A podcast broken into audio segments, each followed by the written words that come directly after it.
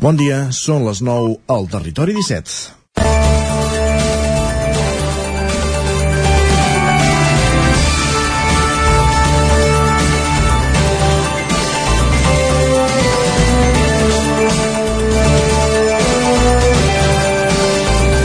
Els Estats Units han definit com la gran dimissió la llau de baixes de la població activa de persones que han deixat el seu lloc de treball des de la recuperació postpandèmica.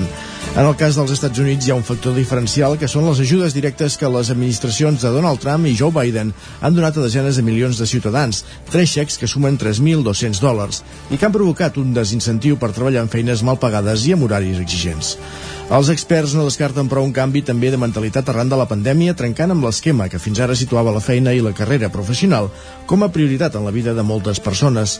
La realitat aquí és diferent. Sí que és cert que l'any passat, quan es va viure el pic més alt de la pandèmia i les màximes restriccions, hi va haver un augment històric de la població inactiva, aquelles persones que tenen menys, més de 16 anys, o sigui, l'edat de treballar i no en busquen. A tot l'estat espanyol es va arribar als 17 milions i mig de persones en aquesta situació durant el segon trimestre del 2020, la xifra més alta des de 1976. Tot i que posteriorment s'han anat reduint les xifres, manté una diferència important entre l'oferta i la demanda. És la queixa que, per exemple, fa el sector de la restauració i que el cuiner de Cantoni Gros, Ignasi Camps, expressa de forma molt clara. És la primera vegada en 32 anys d'ofici que no troba treballadors per al seu restaurant i això l'impedeix treballar al 100%. Ho explicava dilluns al 9-9 i aprofundirem avui amb ell a l'entrevista a partir d'un quart d'onze. L'explicació podria ser que hi ha professions que per un motiu o altre han deixat de ser atractives per la gent que busca feina.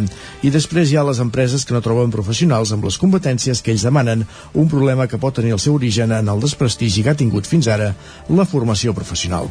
Un tercer sector un tercer factor que entra en joc en aquesta qüestió és el dels salaris. El cost de la vida no para de créixer i, en canvi, els salaris no ho fan en la mateixa proporció.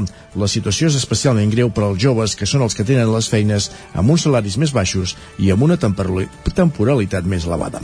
La reforma laboral en què treballa el govern central i els agents socials haurien d'incidir a frenar aquesta situació i el malestar creixent per la pèrdua de poder adquisitiu.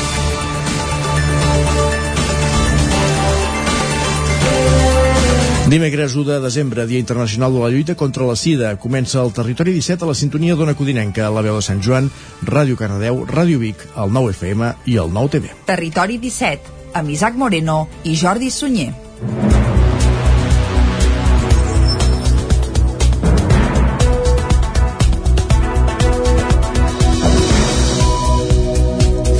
Passen 3 minuts de les 9 del matí d'avui, dimecres, dia 1 de desembre de 2021. Enfilem l'últim mes d'aquest 2021, marcat ja, en el cas de, de Vic, doncs, pel mercat medieval, que avui és molt a les eines i el, es nota, i molt, eh, sobretot, a la gent que volta pel centre de I la ciutat. Busca, i, busca, I que busca per Per exemple, perquè ens hem d'enganyar, va. I arrenquem eh, acostant-vos de seguida tota l'actualitat de les nostres comarques i ja us avancem tot el que tindrem fins a les 12 del migdia. A les 10 actualitzarem butlletins informatius i, com has dit, Isaac, tot seguit anirem a l'entrevista cap a Cantoni Gros. Correcte. De fet serà Olot, ens va dir, però bé, parlarem amb l'Ignasi Camps, eh, cuiner de Cal Ignasi de Cantoni Gros. Amb ell, en aquesta època, podríem parlar de moltes coses. Per exemple, de la cuina de la tòfona, perquè és un dels grans experts en la cuina de la tòfona en aquest país. Però avui, parla, a part, també li demanarem, però a part d'això parlarem d'aquestes dificultats que expressa per trobar treballadors al sector de l'hostaleria. Sobretot, el problema el tenim els caps de setmana. No hi ha treballadors de caps de setmana. Aviat serà tan difícil trobar treballadors com tòfones, potser també. També. Uh, bé, uh, seguim, anirem també a piulades i taula de redacció. Avui és dimecres, per tant tocarà lletra ferits, també per parlar de literatura. I anirem per a fer-ho a Ràdio Televisió de Cardedeu amb l'Òscar Muñoz. A les 11, més notícies i després el territori sostenible amb en Jordi Givert. Des d'Ona Codinenca, avui parlant de, dels drons, alerta, que utilitza l'agrupació de defensa forestal als cingles, l'ADF als cingles, en la prevenció d'incendis. Carai, doncs descobrirem els detalls de tot plegat al territori sostenible i al territori 17 el que farem és acabar, com fem sempre els dimecres, fent un repàs a l'agenda cultural d'aquest llarg cap de setmana, llarg per molta gent, també cal dir-ho. Exacte. Exacte. Nosaltres no farem ponts, eh, aquí Territori 17 i serem Ponts també no, però els- dimarts, ah, els festius, Exacte. sí, sí, sí, dilluns i dimecres que bé farem festa, però dimarts no faltarem a la cita. I ara, un cop fet una mica la ullada tot el que ens espera al programa d'avui, el que farem és arrencar i ho farem com sempre fent un repàs a l'actualitat de les nostres comarques, l'actualitat de les comarques del Ripollès, Osona, el Moianès i el Vallès Oriental.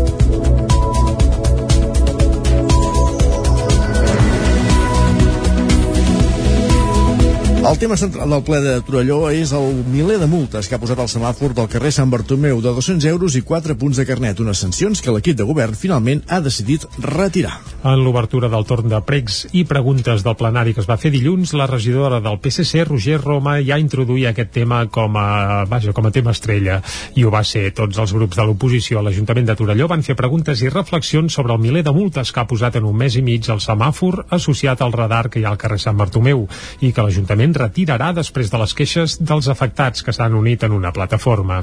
Els socialistes van demanar poder accedir a l'informe de l'empresa que va instal·lar el semàfor.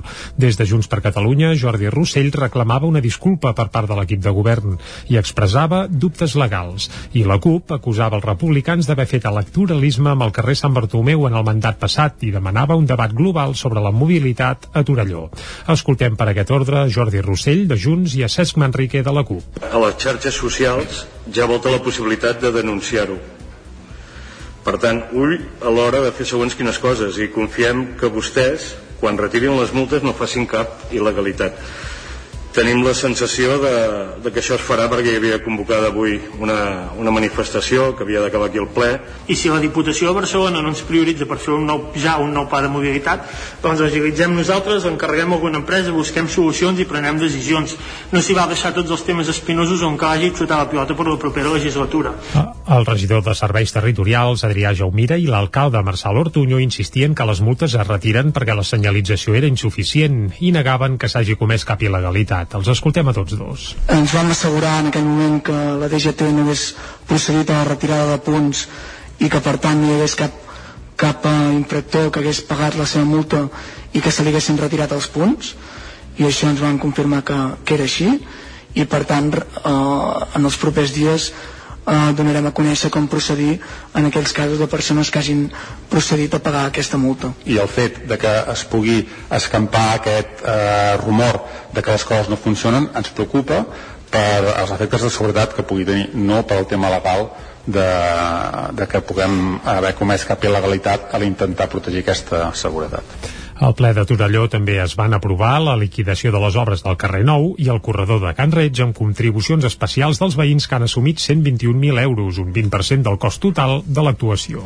Els alumnes confinats de centres educatius del Ripollès baixen de 400 a gairebé 100 en poc menys d'una setmana. Isaac Muntades, des de la veu de Sant Joan. El Ripollès està vivint una davallada clara del coronavirus als centres educatius de la comarca i sembla que el pic de gairebé 400 alumnes confinats fa una setmana ja va cap avall. Ara mateix només queden 113 persones confinades confinades a les escoles, on s'hi han detectat 36 casos positius en els darrers 10 dies. Actualment, l'Institut Escola Mestre Andreu de Sant Joan de les Abadeses és el centre més afectat amb 38 alumnes i un docent a casa pel positiu d'11 nens i aquest professor. El director del centre, Miquel Mercè, comentava que ja havien pogut tornar a classe els dos grups de sisè i el de tercer de primària que estaven confinats, i només faltaria per tornar al grup de quarta de primària. La llar d'infants al Molí Petit de Sant Joan continua tancada pel positiu de 5 nens i dos mestres, que ha obligat a confinar els dos docents i a 21 alumnes. En canvi, les dues escoles que més havien patit en les darreres setmanes ja pràcticament s'han recuperat. A l'escola Badruna de Ripoll encara queden 29 persones a casa per la detecció de 3 casos positius, mentre que a l'escola Pirineu de Camp de Bànol la situació és encara millor i del més d'un centenar de persones que hi havia a casa fa poc més d'una setmana, ara només n'hi queden una quinzena i 5 casos positius. Amb dos centres havien superat la vintena de positius en alguns moments. A la resta de la comarca l'afectació és mínima, però s'hi han de sumar 7 persones confinades i 9 positius, de centres com la llar d'infants Mare de Déu de Núria, com 3 persones confinades i 3 positius és el centre més afectat, l'Escola Doctor Robert de Camprodon, els Salcians de Ripoll i el Centre de Formació d'Adults del Ripollès i l'Escola del Treball Eduard Soler de Ripoll. El gerent de l'Hospital Comarcal del Ripollès, de Can de Bànol, Joan Graner, no tenia clar que el focus d'aquests contagis fossin els nens. Però clar, diu, no venen de les escoles, quin és el,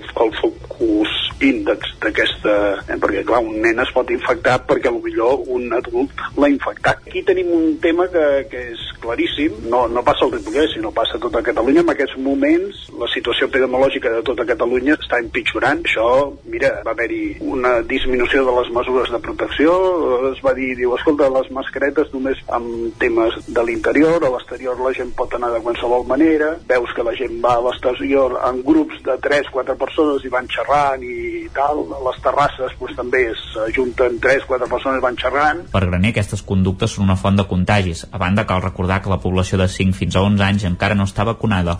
Comissions Obreres i, i la l'Ajuntament de Manlleu han homenatjat l'històric sindicalista manlleuenc Lluís Donoso, que va morir aquest mes d'octubre als 82 anys. La motiu acte va tenir lloc al Teatre de l'Escola Puigdegut, un espai que en record seu, a partir d'ara, portarà el seu nom. Manlleu es va acomiadar públicament de Lluís Donoso, històric militant del sindicat Comissions Obreres i activista veïnal, que va morir el passat 9 d'octubre als 82 anys. A l'acte, que es va fer dijous passat al Teatre de l'Escola Puigdegut, hi van assistir representants dels quatre pilars vitals de Donoso, la família, el sindicat, el barri de l'Erm i la fe. Nascut a Penyarroia, un municipi de la província de Còrdoba, va arribar amb la seva família a Manlleu als 10 anys. Va ser secretari general de Comissions Obreres a Osona entre 1984 i 1996 i va ser un dels impulsors a Osona del CITE, el Centre d'Informació per a Treballadors Estrangers del sindicat. Escoltem per aquest ordre a Miquel Casanovas, president de l'Associació de Veïns del barri de l'Erm de Manlleu, i a Javier Pacheco, secretari general de Comissions Obreres de Catalunya. I volia que la voluntat i el fer fos lliure de tot allò que impedeix fer el que cal fer perquè el món sigui millor i sigui per tothom. N'hi havia gent que tenia molt clar que havia de desenvolupar conquestes i obertures de drets amb els espais del treball on se guanyaven la vida i portàvem el pa a les seves famílies, però també que havien de fer-lo construint les necessitats bàsiques que tenien els seus barris o pobles perquè no tenien res. La seva filla Magda Donoso també va recordar la figura del seu pare.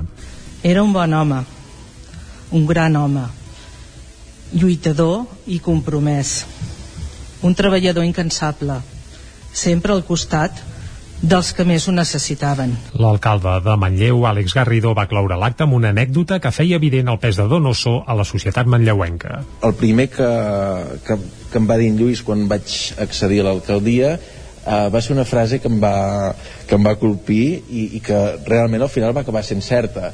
Em va dir, mira, diu, jo sóc uh, segurament l'única persona de tot Manlleu que puc entrar a veure l'alcalde i el despatx de l'alcalde sense demanar hora i quan em ve de gust. Diu, ho he fet sempre amb tots els alcaldes i a mi també m'ho va fer. L'acte va acabar amb la descoberta d'una placa on s'explica que d'ara endavant la sala d'actes del Col·legi Puigdegut, amb la qual Donoso tenia un lligam molt estret, portarà el seu nom. Més qüestions. El Mercat de Nadal de Caldes de Montbui ha rebut en el seu primer cap de setmana una xifra de visitants semblant a la de l'última edició abans de la pandèmia. Caral Campàs, des d'Ona Codinenca. Milers de visitants van passejar pel Mercat de Nadal de Caldes durant el primer cap de setmana que està en funcionament. El nou format de fira nadalenca, amb menys parades i un aire més nòrdic, amb les parades en casetes de fusta, va rebre un nombre similar de visitants al registrat durant l'última edició celebrada el 2019, just abans de la pandèmia. Durant aquest cap de setmana, l'olla més gran de Catalunya també ha estat bullint sense parar. En aquests dos dies s'han repartit més de 10.000 racions de caldo termal, 3.000 de carn d'olla i més de 800 de llenties cuites també amb aigua termal. La regidora de Comerç, Carme Germà, celebrava la bona resposta que ha tingut aquest nou format de la mostra nadalenca. Satisfets amb aquest nou format de mercat de Nadal que tot i haver estat formulat sota l'amenaça de noves possibles restriccions Covid, ha resultat ser molt atractiu tant pels visitants de Caldes com pels de fora del municipi. De fet, aquest nou format, més controlable en cas que es requerís, ordenat i espaiós, ha permès atorgar a la nostra olla gegant, la més gran de Catalunya, la importància que sempre ha tingut i el protagonisme que mereix. I s'han acostat al mercat gairebé el mateix número de visitants que l'edició anterior celebrada l'any 2019. Esperem superar i en molt el número de visitants al finalitzar el mercat de Nadal. La fira també s'allarga a nivell de dies. Des d'aquest proper divendres i fins al següent dimecres dia 8 de desembre, amb dos inclosos, el Mercat de Nadal tornarà a estar en funcionament. La pel·lícula Libertat, el primer llargmetratge de la directora de Malla, Clara Roquet, té sis nominacions als Premis Goya. Ja s'han fet públiques les nominacions als guardons del cine espanyol del 2022 i Libertat forma part de les candidates a millor pel·lícula. La directora de Malla, Clara Roquet, està nominada tant a millor direcció novella com a millor guió original. La seva pel·lícula també té nominacions per Nicole Garcia, que opta el Premi a millor actriu revelació, Nora Navas, el Premi a la millor actriu de repartiment i Gris Jordana a la millor direcció de fotografia. El film explica una història d'amistat entre dues adolescents marcada per la distància de classe i de privilegis. Libertat s'ha presentat ja a diversos festivals amb molt bona acollida de la crítica i del públic i a més ha recollit els primers guardons, a part d'haver estat seleccionada també als Premis Gaudí. En els Goya del 2022, el Buen Patrón de Fernando León Font de Arano ha batut el rècord històric de nominacions amb 20 candidatures. Machabel, d'Iciar Bolin en té 14 i Madres Paral·leles de Pedro Almodóvar en té 8. La cerimònia de lliurament dels Goyes farà a València el proper 12 de febrer i s'hi homenatjarà també Luis García Berlanga. José Sacristán rebrà el Goya d'honor i tant de bo Roquet s'emporti també alguna estatueta. Libertat, una pel·lícula d'una directora usonenca de Malla en el seu segon cap de setmana a les cartelleres i en tot el territori 17 més es pot veure a la Garriga a Osona encara no s'ha pogut no s'ha projectat aquesta pel·lícula aviam si arriba aviam alguna, si arriba. cosa, alguna cosa no fem bé tots plegats més qüestions Esports. des d'avui fins al 19 de desembre se celebra el Mundial d'handbol femení a Granollers, aquest cap de setmana, altres municipis de la comarca, com Cardedeu, han fet activitats al carrer per donar a conèixer el món de l'handbol. Núria Lázaro, des de Ràdio Televisió de Cardedeu.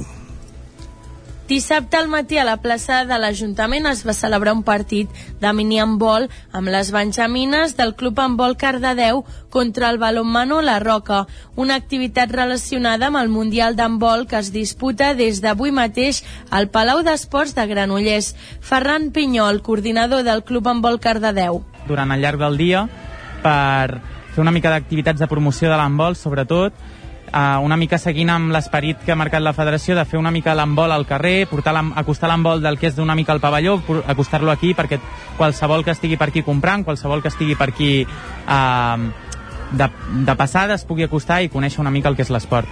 Uh, sobretot la idea és això, pobles no només del voltant de Barcelona, hi ha pobles de Girona, hi ha pobles de Lleida que està, estan també ficats, és una mica a nivell de tota Catalunya, acostar una mica l'embol al carrer per crear una mica d'atenció. Després del partit es van organitzar diferents activitats per als més joves amb la presència del primer equip femení del Cardedeu, que es van apropar per donar suport. Gràcies, Núria, que veiem aquí aquest repàs, aquest repàs a l'actualitat que començàvem a les 9 del matí en companyia, com se'n diem, de Núria Lázaro, Caral Campàs, Isaac Muntades i Jordi Sunyer. Moment per conèixer la previsió meteorològica.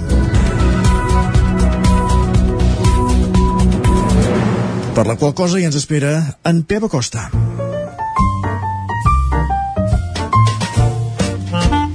Casa Terradellos us ofereix el temps. Doncs vinga, en Pep Acosta, que ja el saludem ara mateix. Molt bon dia, Pep. Molt bon dia. I bona hora. Comença el mes de desembre. Per mi comença l'hivern avui. Sempre dic que l'hivern sí. són desembre, gener, febrer, aquests tres mesos.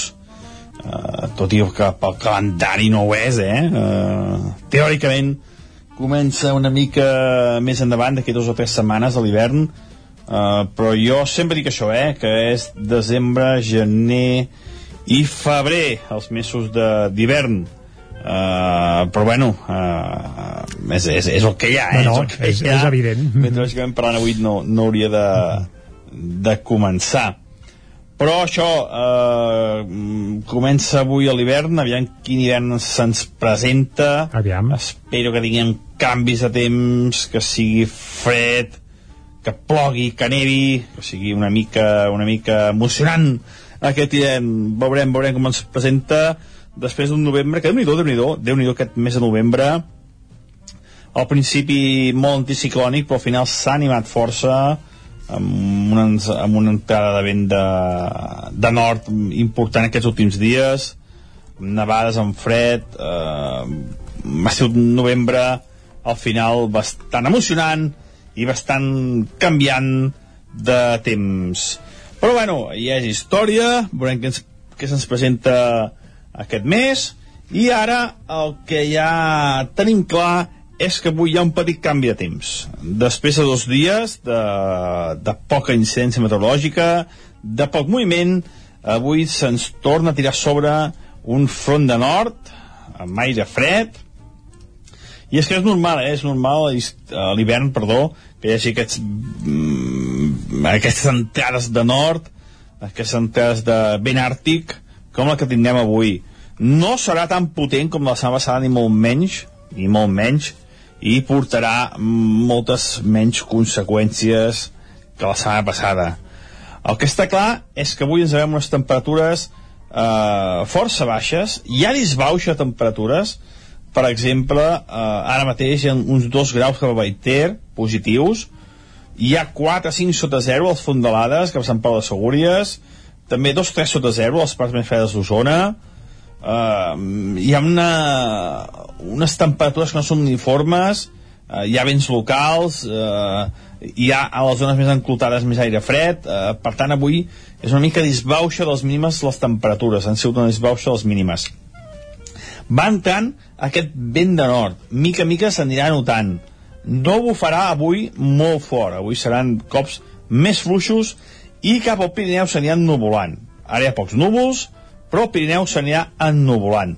I atenció també cap a mitja tarda, última hora del dia, la possibilitat de tempestes cap a la zona del prelitoral. A sota cap a Vallès Oriental i Osona poden caure alguna tempesta. Uh, no és segur que caigui, eh? Dic que pot caure, eh? No, no, no, no és ja 100% segur. ens ho apuntem, ens ho però apuntem. entrades de vent de nord, eh, amb estrella tramuntana, hi ha aquesta zona de convergència cap, a, cap al prelitoral i és possible que hi hagi alguna tempesta, alguna petita tempesta sobtada que pot caure aquesta tarda vespre. Ja veurem què, què acaba passant, que això sí que no és, no és gaire possible, que, però hi ha possibilitat de que, de que caigui. Les temperatures seran una mica més baixes que les d'ahir. Ahir la majoria de màximes entre 9, 9 i 15 graus, avui més baixes, eh? Cap valor superarà els 12-13 graus. Ens haurem d'abrigar. Uh, fa dies que dura aquest ambient fred, doncs avui s'accentuarà per aquesta entrada de vent de, de nord.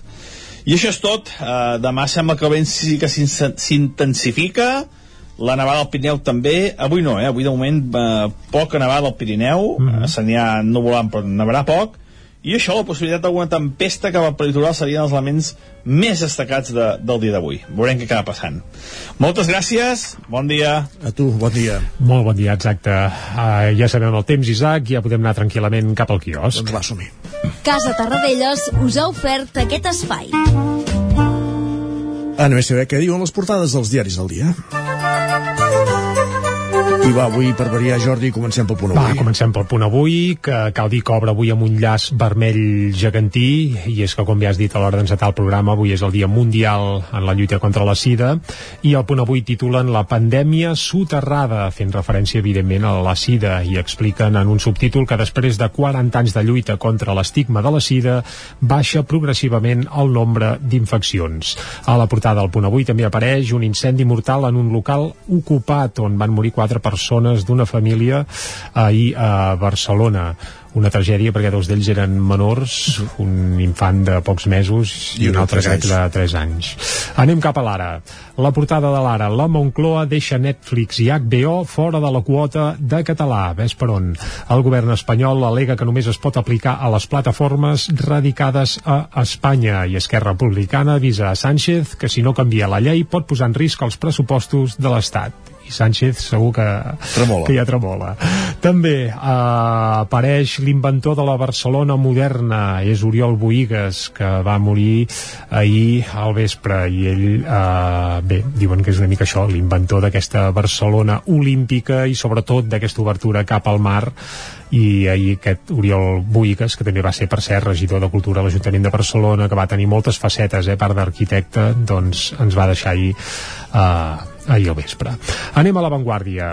El titular principal és per Ayuso, que pacta amb Vox per aprovar els seus primers pressupostos. Aquesta noia no té pas manies a l'hora de pactar amb qui faci falta. La presidenta madrilenya concedeix alguns compromisos de caire ideològic a la ultradreta i refusa l'oferta de l'esquerra, evidentment per aprovar els pressupostos.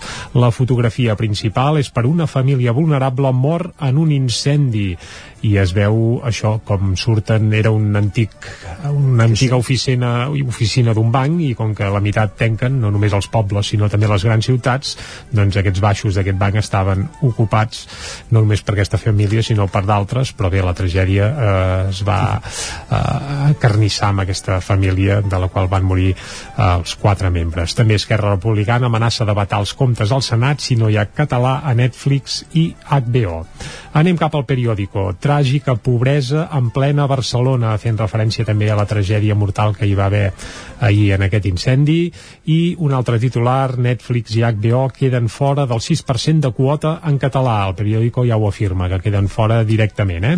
Uh, així, així està la llei ara mateix de pressupostos sí, sí, sí, sí, sí. i la fotografia per Alexia Putelles una pionera per al salt històric del futbol femení, això sí, la retraten amb la samarreta de la selecció espanyola però bé, això Molt té bé. excusa perquè ahir va fer un partit Ah, amb la selecció estatal Més uh, portades. anem cap a portades que s'editen des de els- Madrid tots els titulars es repeteixen eh? Bé, a, a veurem Madrid ja canvia, canvia una mica a Madrid el tema, per exemple, al país obren parlant d'aquesta variant Omicron de la Covid i diuen que ja circulava per Europa abans de l'alerta i l'estat espanyol registra un segon cas i la pandèmia repunta a tota la Unió Europea. Això és el que apunten a la portada del diari El País. Anem cap a l'ABC, va. Renunciar als homenatges a Atarres aplana el camí per més, sessió, més sessions als presos. Ah, Això és el titular Sempre hi ha- principal. sempre hi ha una contrapartida. Sí, sí, els experts en antiterrorisme avisen que el govern va negociar amb Bildu més privilegis penitenciaris per la banda a canvi d'acabar amb els Ongi Etorri. Els Ongi Etorri són aquestes benvingudes eh, de presos que deixen la presó i tornen Correcte. a casa i, i, i ja està, clar i curt.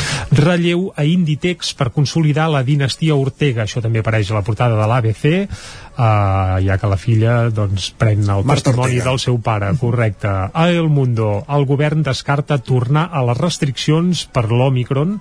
Aquest és el titular principal que apareix a la portada Això ha el del Mundo. Covid, no? Esclar. Correcte.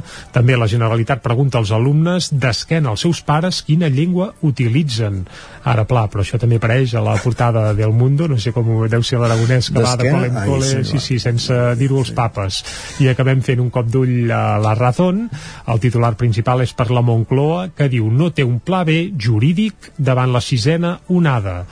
Uh, i també apareix a la part inferior que Ayuso pacta amb Vox els pressupostos en base al programa d'investidura i això sí, diuen que no hi haurà cap acord ni total ni parcial amb el grup uh, ultradretà Veurem, 3 minuts i tornem. Exacte. El nou FM, la ràdio de casa, al 92.8. El racó de León. Gaudeix de la nostra terrassa. Vine a tastar les xuletilles de lechal a la brasa amb una bona amanida o el xuletón de vedella gallega. No et pots perdre el nostre lechado de Castilla al forn o el cochinillo a l'estil de Segovia. Tot acompanyat del millor celler, al menjador o fora la terrassa. Descobreix la millor cuina de lleó sense moure't de casa. Vine amb la família, els amics, la parella o sol. T'encantarà.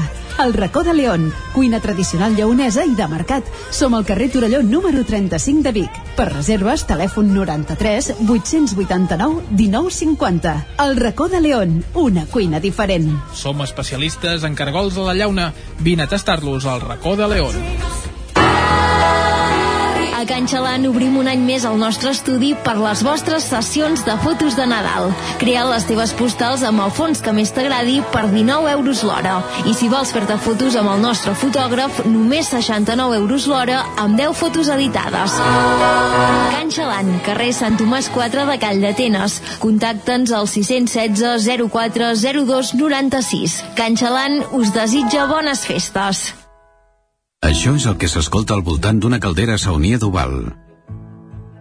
Tranquilitat i benestar, perquè gaudeix del millor manteniment del servei tècnic oficial per estar despreocupat.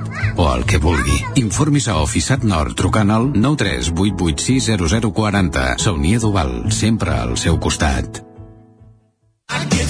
Amb Pradell estalvio energia i cuido la meva butxaca i el medi ambient. Posa't en mans de Pradell, són experts en calderes de gas i condensació, estufes de pèl·let, energia solar, terres radiants i geotèrmia. Pradell instal·la calderes de biomassa per a particulars i per a empreses. Si vols estalviar un 50% en consum, contacta amb Pradell i passa't a les energies renovables. Pradell som a l'Avinguda Països Catalans 27 de Vic. Telèfon 93 885 1197. Pradell.cat. Cobertes serveis funeraris. Els nostres tanatoris estan ubicats en els nuclis urbans més poblats de la comarca d'Osona per oferir un millor servei. Tanatori de Vic, Tanatori de Manlleu, Tanatori de Centelles i Tanatori de Roda de Ter. Sabem que són moments difícils i per això el nostre compromís és atendre-us en tot moment amb un tracte humà, sensible i respectuós. Cobertes serveis funeraris. Telèfon 24 hores 93 883 23 46. Anuncia't al 9FM. La màquina de casa. 9 3 8 8 9 4 9 4 9. Publicitat arroba al 9FM.cat. Anuncia't al 9FM. La publicitat més eficaç. El 9FM, el 9FM, el 9FM. En punt ara mateix, dos quarts de deu. Territori 17, amb Isaac Moreno i Jordi Sunyer.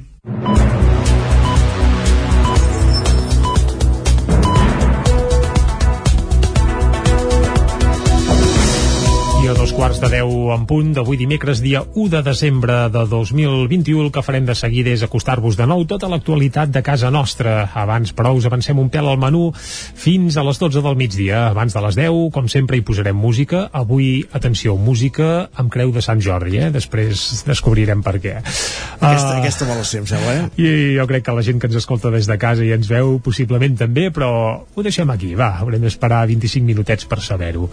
A les 10 més informació i després anirem cap a l'entrevista.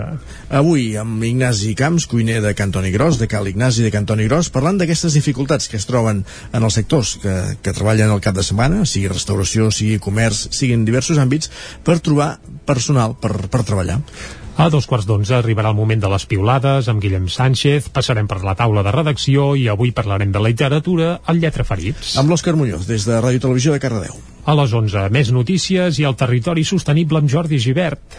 I avui descobrint com utilitzen els drons de l'agrupació de defensa forestal els cingles, l'ADF els cingles, eh, que utilitzen drons en la prevenció d'incendis. Ens ho explicarà Jordi Givert en companyia del president d'aquesta entitat, en Miquel Buixó. I a la darrera mitjora de Territori 17 la dedicarem a anar a fer un vol amb tren a la Trenc d'Alba per la R3, com fem cada dia, i acabarem avui fent un repàs a l'agenda cultural per aquest proper llarg cap de setmana. I ara el que toca, però, és acostar-vos, com sempre, de nou l'actualitat de casa nostra, l'actualitat de les comarques del Ripollès, Osona, el Moianès i el Vallès Oriental. Thank you. El tema central del ple de Torelló és el miler de multes que ha posat el semàfor del carrer Sant Bartomeu de 200 euros i 4 punts de carnet, unes sancions que l'equip de govern finalment ha decidit retirar. En l'obertura del torn de pregs i preguntes del plenari que es va fer dilluns, la regidora del PSC, Roger Roma, ja introduïa aquest tema com a, vaja, com a tema estrella.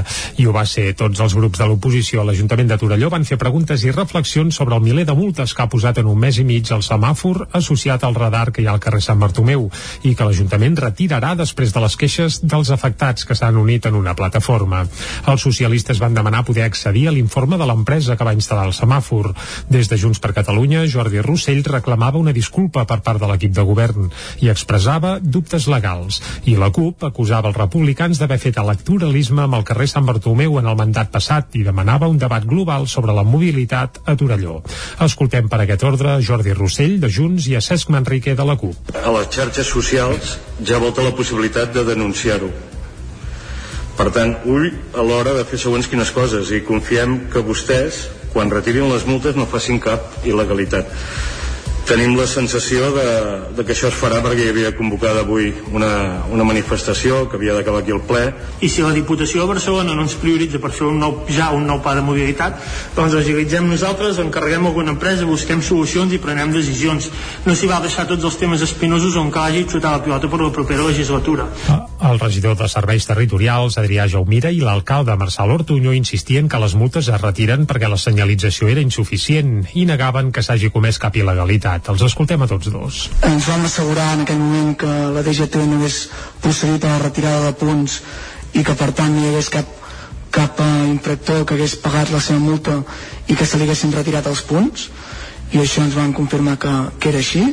I per tant uh, en els propers dies uh, donarem a conèixer com procedir en aquells casos de persones que hagin procedit a pagar aquesta multa. i el fet de que es pugui escampar aquest eh, rumor de que les coses no funcionen ens preocupa per els efectes de seguretat que pugui tenir, no pel tema legal de, de que puguem haver comès cap il·legalitat a l'intentar protegir aquesta seguretat.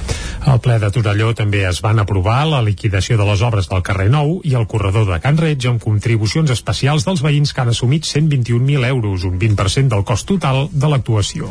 Els alumnes confinats de centres educatius del Ripollès baixen de 400 a gairebé 100 en poc menys d'una setmana. Isaac Muntades, des de la veu de Sant Joan. El Ripollès està vivint una davallada clara del coronavirus als centres educatius de la comarca i sembla que el pic de gairebé 400 alumnes confinats fa una setmana ja va cap avall. Ara mateix només queden 113 persones confinades confinades a les escoles, on s'hi han detectat 36 casos positius en els darrers 10 dies. Actualment, l'Institut Escola Mestre Andreu de Sant Joan de les Abadeses és el centre més afectat amb 38 alumnes i un docent a casa pel positiu d'11 nens i aquest professor. El director del centre, Miquel Mercè, comentava que ja havien pogut tornar a classe els dos grups de 6è i el de tercer A de primària que estaven confinats, i només faltaria per tornar al grup de quarta de primària. La llar d'infants al Molí Petit de Sant Joan continua tancada pel positiu de 5 nens i dos mestres, que ha obligat a confinar els dos docents i a 21 alumnes. En canvi, les dues escoles que més havien patit en les darreres setmanes ja pràcticament s'han recuperat. A l'escola Badruna de Ripoll encara queden 29 persones a casa per la detecció de 3 casos positius, mentre que a l'escola Pirineu de Camp de Bànol la situació és encara millor i del més d'un centenar de persones que hi havia a casa fa poc més d'una setmana, ara només n'hi queden una quinzena i 5 casos positius. Amb dos centres havien superat la vintena de positius en alguns moments. A la resta de la comarca l'afectació és mínima, però s'hi han de sumar 7 persones confinades i 9 positius, de centres com la llar d'infants Mare de Déu de Núria, que amb 3 persones confinades i 3 positius és el centre més afectat, l'Escola Doctor Robert de Camprodon, els Salcians de Ripoll i el Centre de Formació d'Adults del Ripollès i l'Escola del Treball Eduard Soler de Ripoll. El gerent de l'Hospital Comarcal del Ripollès, de Can Bànol, Joan Graner, no tenia clar que el focus d'aquests contagis fossin els nens. Però clar, diu, no venen de les escoles, quin és el, el focus índex d'aquesta... Eh, perquè clar, un nen es pot infectar perquè millor un adult l'ha infectat. Aquí tenim un tema que, que és claríssim, no, no passa al Ripollès, sinó passa a tota Catalunya. En aquests moments la situació epidemiològica de tota Catalunya està empitjorant. Això, mira, va haver-hi una disminució de les mesures de protecció, es va dir, diu, escolta, les mascaretes només amb temes de l'interior, a l'exterior la gent pot anar de qualsevol manera, veus que la gent va a l'exterior en grups de 3-4 persones i van xerrant i tal, a les terrasses pues, també s'ajunten 3-4 persones i van xerrant. Per Graner, aquestes conductes són una font de contagis. A banda, cal recordar que la població de 5 fins a 11 anys encara no està vacunada. Comissions Obreres i l'Ajuntament de Manlleu han homenatjat l'històric sindicalista manlleuenc Lluís Donoso, que va morir aquest mes d'octubre als 82 anys. La motiu acte va tenir lloc al Teatre de l'Escola Puigdegut, un espai que en record seu, a partir d'ara, portarà el seu nom. Manlleu es va acomiadar públicament de Lluís Donoso, històric militant del sindicat Comissions Obreres i activista veïnal, que va morir el passat 9 d'octubre als 82 anys. A l'acte, que es va fer dijous passat al Teatre de l'Escola Puigdegut, hi van assistir representants dels quatre pilars vitals de Donoso, la família, el sindicat, el barri de l'Erm i la Fe. Nascut a Penyarroia, un municipi de la província de Còrdoba, va arribar amb la seva família a Manlleu als 10 anys. Va ser secretari general de Comissions Obreres a Osona entre 1984 i 1996 i va ser un dels impulsors a Osona del CITE, el Centre d'Informació per a Treballadors Estrangers del sindicat. Escoltem per aquest ordre a Miquel Casanovas, president de l'Associació de Veïns del barri de l'Erm de Manlleu, i a Javier Pacheco, secretari general de Comissions Obreres de Catalunya. I volia que la voluntat i el fer fos lliure de tot allò que impedeix fer el que cal fer perquè el món sigui millor i sigui per tothom. Hi havia gent que tenia molt clar que havia de desenvolupar conquestes i obertures de drets amb els espais del treball on se'n guanyaven la vida i portàvem el pa a les seves famílies.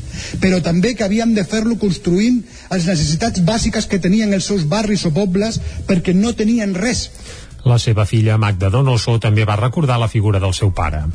Era un bon home, un gran home, lluitador i compromès, un treballador incansable, sempre al costat dels que més ho necessitaven. L'alcalde de Manlleu, Àlex Garrido, va cloure l'acte amb una anècdota que feia evident el pes de Donoso a la societat manlleuenca. El primer que, que, que em va dir en Lluís quan vaig accedir a l'alcaldia uh, va ser una frase que em va, que em va colpir i, i que realment al final va acabar sent certa. Em va dir, mira, diu, jo sóc uh, segurament l'única persona de tot Manlleu que puc entrar a veure l'alcalde i el despatx de l'alcalde sense demanar hora i quan em ve de gust. Diu, ho he fet sempre amb tots els alcaldes i a mi també m'ho va fer. L'acte va acabar amb la descoberta d'una placa on s'explica que d'ara endavant la sala d'actes del Col·legi Puigdegut, amb la qual Donoso tenia un lligam molt estret, portarà el seu nom. Més qüestions. El Mercat de Nadal de Caldes de Montbui ha rebut en el seu primer cap de setmana una xifra de visitants semblant a la de l'última edició abans de la pandèmia. Que era el campàs des d'Ona Codinenca. Milers de visitants van passejar pel Mercat de Nadal de Caldes durant el primer cap de setmana que està en funcionament. El nou format de fira nadalenca, amb menys parades i un aire més nòrdic, amb les parades en casetes de fusta, va rebre un nombre similar de visitants al registrat durant l'última edició celebrada el 2019, just abans de la pandèmia. Durant aquest cap de setmana, l'olla més gran de Catalunya també ha estat bullint sense parar. En aquests dos dies s'han repartit més de 10.000 racions de caldo termal, 3.000 de carn d'olla i més de 800 de llenties cuites també amb aigua termal. La regidora de Comerç, Carme Germà, celebrava la bona resposta que ha tingut aquest nou format de la mostra nadalenca. Satisfets amb aquest nou format de mercat de Nadal que tot i haver estat formulat sota l'amenaça de noves possibles restriccions Covid, ha resultat ser molt atractiu tant pels visitants de Caldes com pels de fora del municipi. De fet, aquest nou format, més controlable en cas que es requerís, ordenat i espaiós, ha permès atorgar a la nostra olla gegant, la més gran de Catalunya, la importància que sempre ha tingut i el protagonisme que mereix. I s'han acostat al mercat gairebé el mateix número de visitants que l'edició anterior celebrada l'any 2019. Esperem superar i en molt el número de visitants al finalitzar el mercat de Nadal. La fira també s'allarga a nivell de dies. Des d'aquest proper divendres i fins al següent dimecres dia 8 de desembre, amb dos inclosos, el Mercat de Nadal tornarà a estar en funcionament. La pel·lícula Libertat, el primer llargmetratge de la directora de Malla, Clara Roquet, té sis nominacions als Premis Goya. Ja s'han fet públiques les nominacions als guardons del cine espanyol del 2022 i Libertat forma part de les candidates a millor pel·lícula. La directora de Malla, Clara Roquet, està nominada tant a millor direcció novella com a millor guió original. La seva pel·lícula també té nominacions per Nicole Garcia, que opta el Premi a millor actriu revelació, Nora Navas, el Premi a la millor actriu de repartiment i Gris Jordana a la millor direcció de fotografia. El film explica una història d'amistat entre dues adolescents marcada per la distància de classe i de privilegis. Libertat està presentat ja a diversos festivals amb molt bona acollida de la crítica i del públic i a més ha recollit els primers guardons, a part d'haver estat seleccionada també als Premis Gaudí. En els Goya del 2022, el buen patrón de Fernando León de Arano ha batut el rècord històric de nominacions amb 20 candidatures.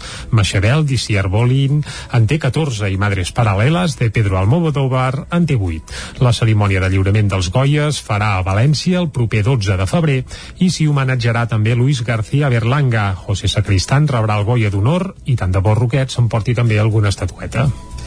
Libertat, una pel·lícula d'una directora usonenca de Malla en el seu segon cap de setmana a les cartelleres i en tot el territori 17 més es pot veure a la Garriga, a Osona encara no s'ha pogut, no s'ha projectat aquesta pel·lícula. Aviam si arriba, aviam alguna si arriba. cosa, alguna cosa no fem bé tots plegats. Més qüestions.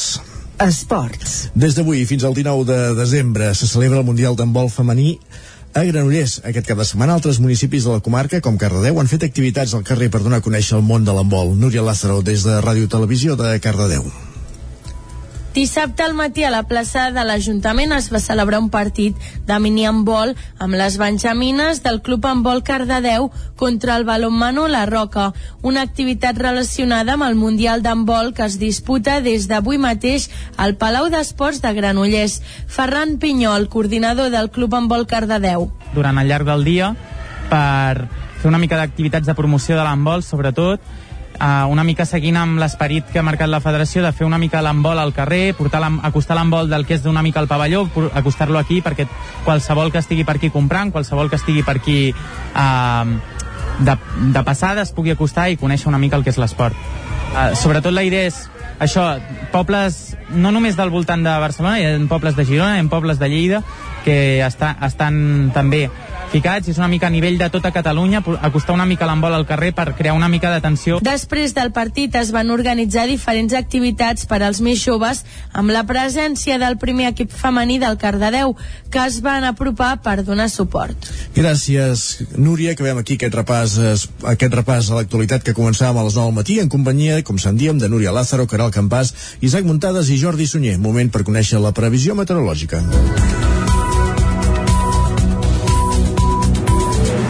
Per la qual cosa ja ens espera en Pep Acosta.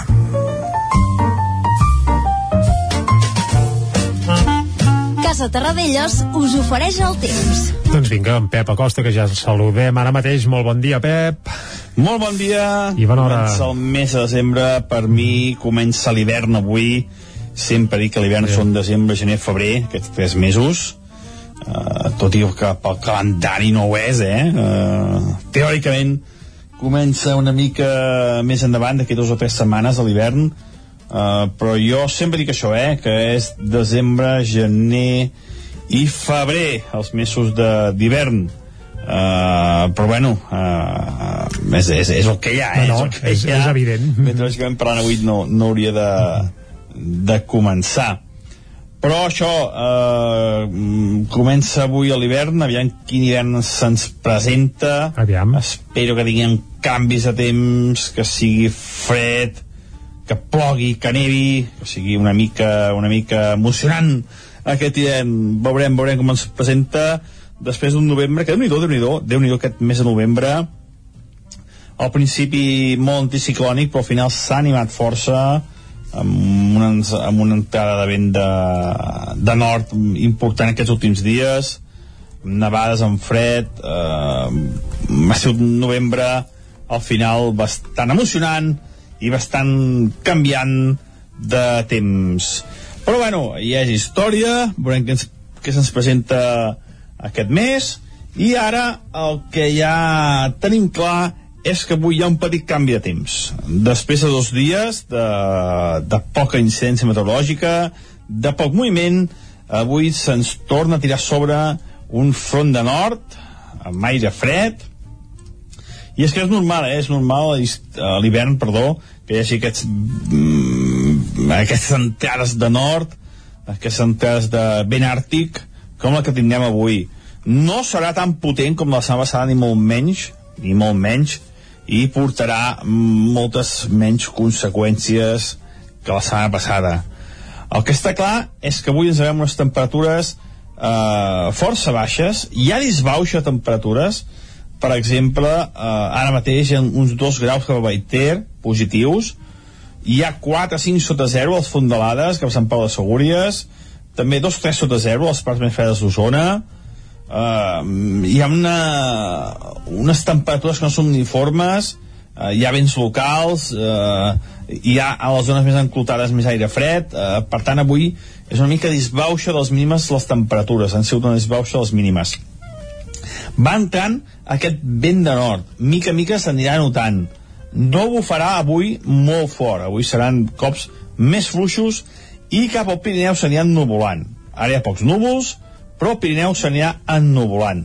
I atenció també cap a mitja tarda, última hora del dia, la possibilitat de tempestes cap a la zona del prelitoral. A sobre cap a Vallès Oriental i Osona poden caure alguna tempesta. Uh, no és segur que caigui, eh? Dic que pot caure, eh? No, no, no, no és ja 100% segur. ens apuntem, ens però apuntem. entrades de vent de nord, eh, amb estrella tramuntana, hi ha aquesta zona de convergència cap, a, cap al peritoral i és possible que hi hagi alguna tempesta, alguna petita tempesta sobtada que pot caure aquesta tarda vespre. Ja veurem què, què acaba passant, que això sí que no és, no és gaire possible, que, però hi ha possibilitat de que, de que caigui. Les temperatures seran una mica més baixes que les d'ahir. Ahir la majoria de màximes entre 9, 9 i 15 graus, avui més baixes, eh? Eh, Cap valor superarà els 12-13 graus. Ens haurem d'abrigar.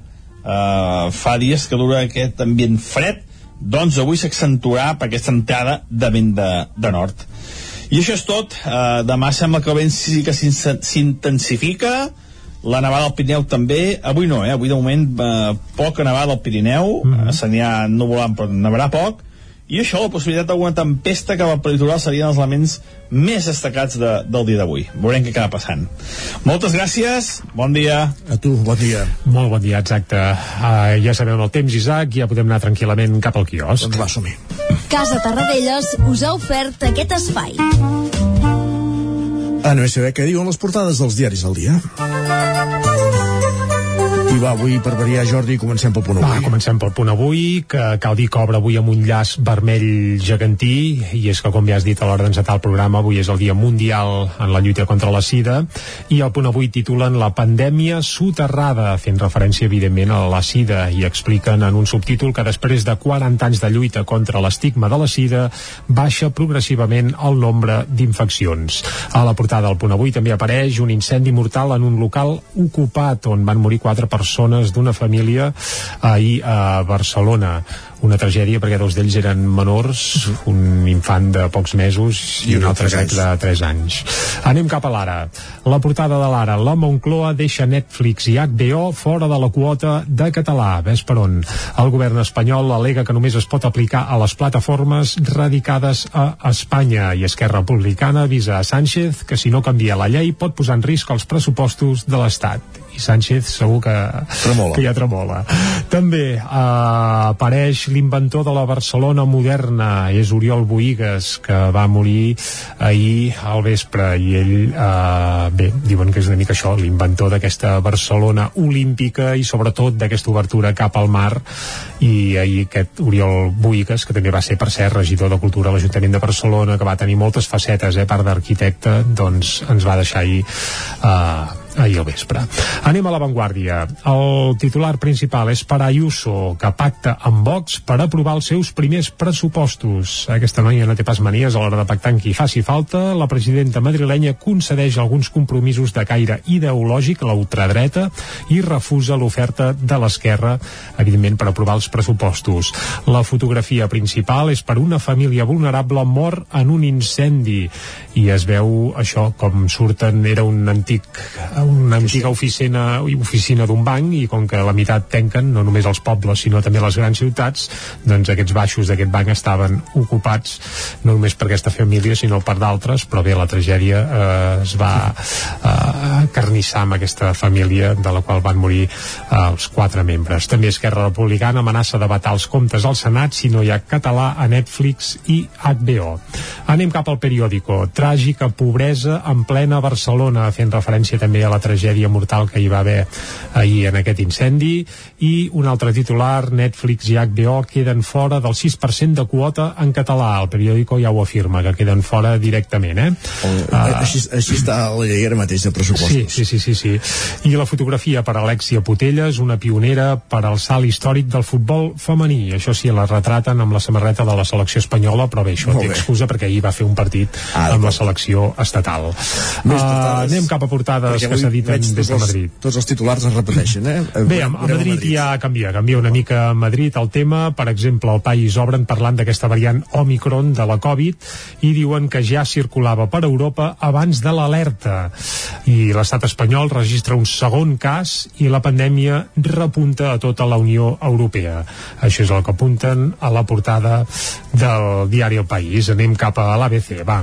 Sí. Renunciar als homenatges a Atarres, a plan el camí per més, sessió, més sessions als presos. Ah, és el titular sempre principal. Hi ha, sempre hi ha una contrapartida. Sí, sí, els experts en antiterrorisme avisen que el govern va negociar amb Bildu més privilegis penitenciaris per la banda a canvi d'acabar amb els Ongui Etorri. Els Ongui Etorri són aquestes benvingudes eh, de presos que deixen la presó i tornen a casa i, i, i ja està, clar i curt.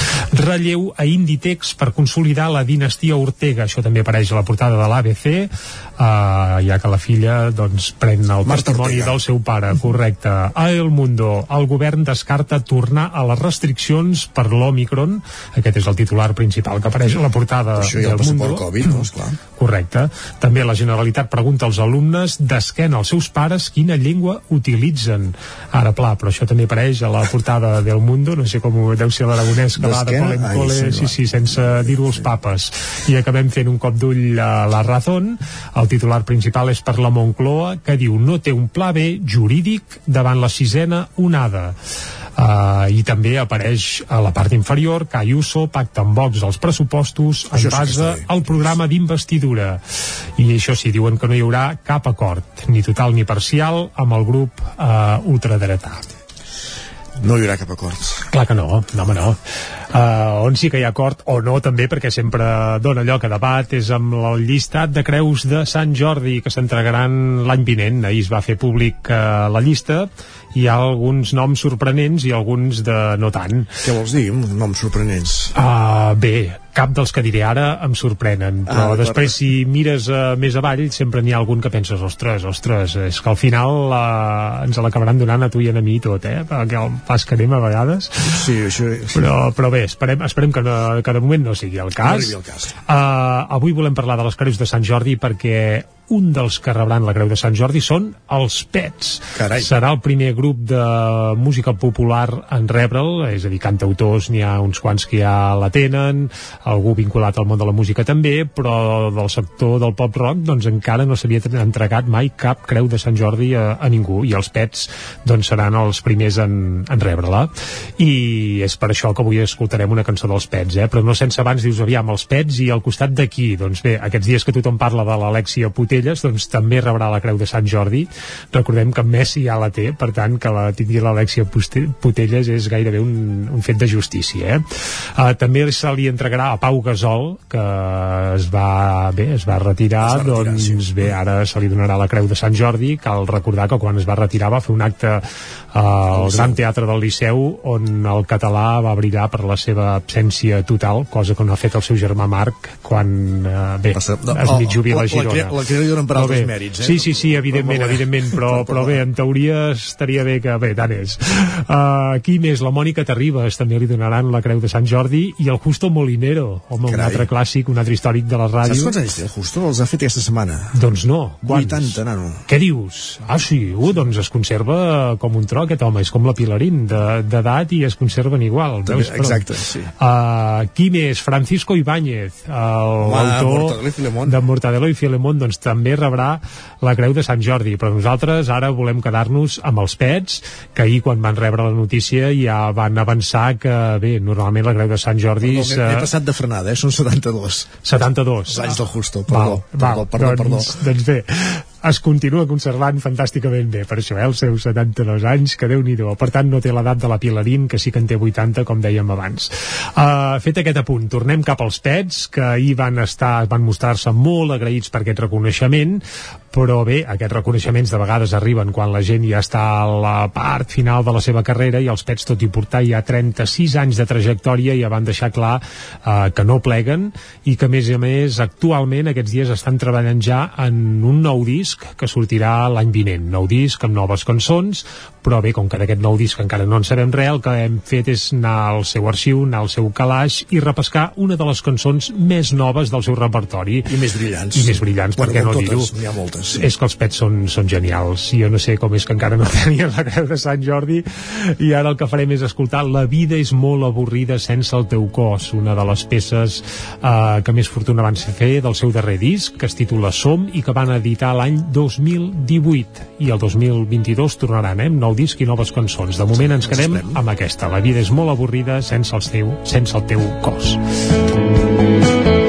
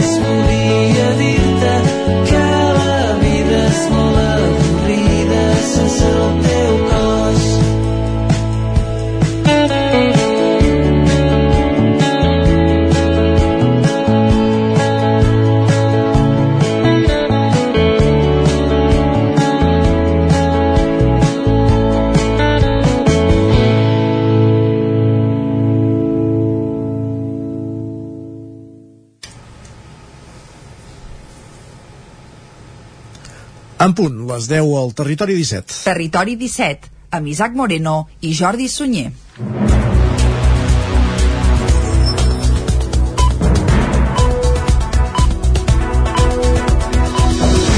aquest programa. La veu de Sant Joan, Ona Codinenca, Ràdio Cardeu, Ràdio Vic, el 9 FM i el 9 TV.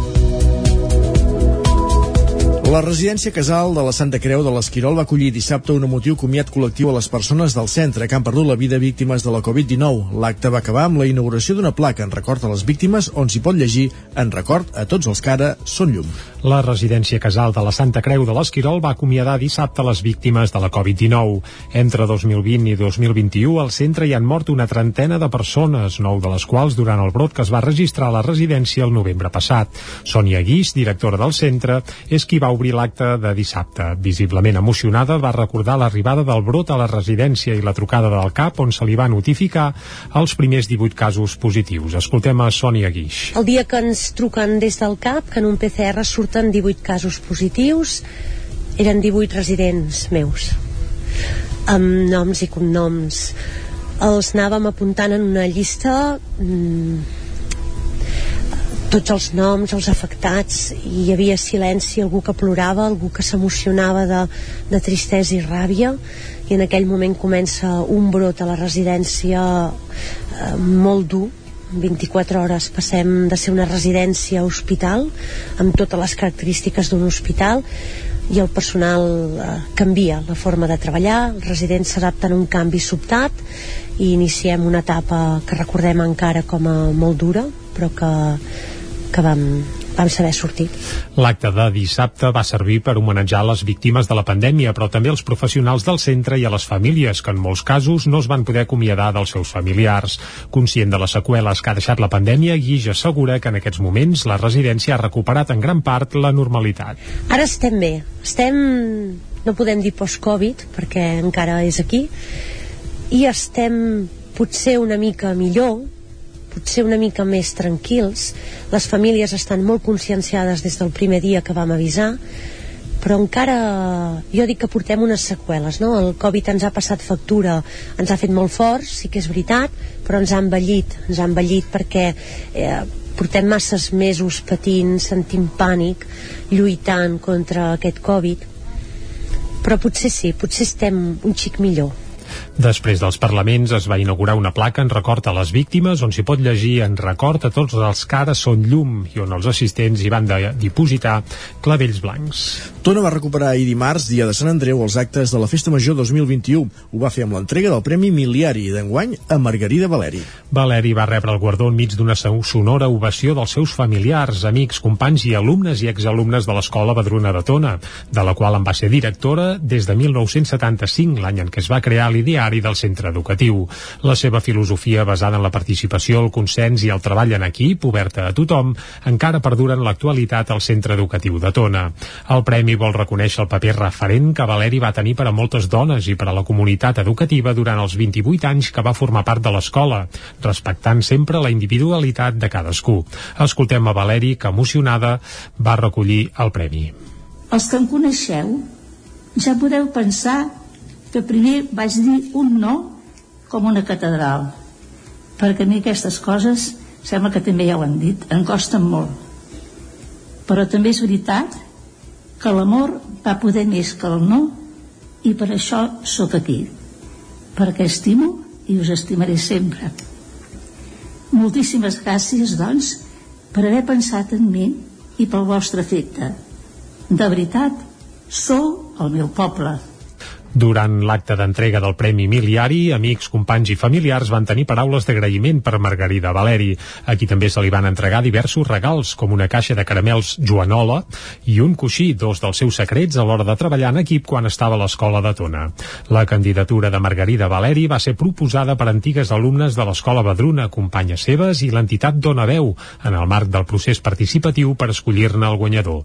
L'acte va acabar amb la lectura d'un poema i una actuació musical dedicada a la premiada. I no marxem pas de tona perquè en el marc de la Festa Major de Sant Andreu dissabte es va celebrar la vintena edició de la Fira Joc Joc. Després d'anys instal·lada al pavelló, la proposta va tornar al centre del poble. Coincidint amb la seva vintena edició, la Fira Joc Joc de Tona va tornar al centre del poble després d'anys concentrada al pavelló.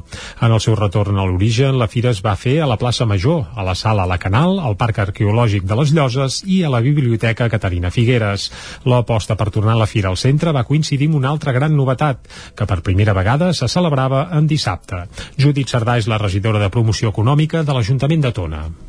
Aquest any nosaltres hem cregut que la volíem tornar al centre i la manera de tornar-la era tornar a tenir els jocs que havíem fet a l'inici. De fet, hi ha persones de Tona que al final n'han fet la seva professió del joc, vull dir que a Tona tenim, tenim història, tenim en Joan Rovira amb Guixot de Vuit, per exemple, que el seu inici va ser la Fira de la Passeta i encara ara passeja els seus jocs arreu del món, perquè és flipant els llocs que arriben a anar qui també va celebrar el retorn de la fira al centre del poble va ser Joan Rovira. L'històric creador de Guixot de Vuit es mostrava satisfet d'haver pogut tornar a la fira a la seva essència. Ho comentava des de la plaça Major, on hi va instal·lar la col·lecció Gargot de bicicletes fet amb bicis reciclades. Joan Rovira. Nosaltres vam començar la Fira de la Passeta i de la Fira de la Passeta vam passar a la Fira del Joc Joc, que va començar quan jo era regidor i així i, i ara la Fira del Joc Joc ja fa 20 anys i ara volen tornar-la al centre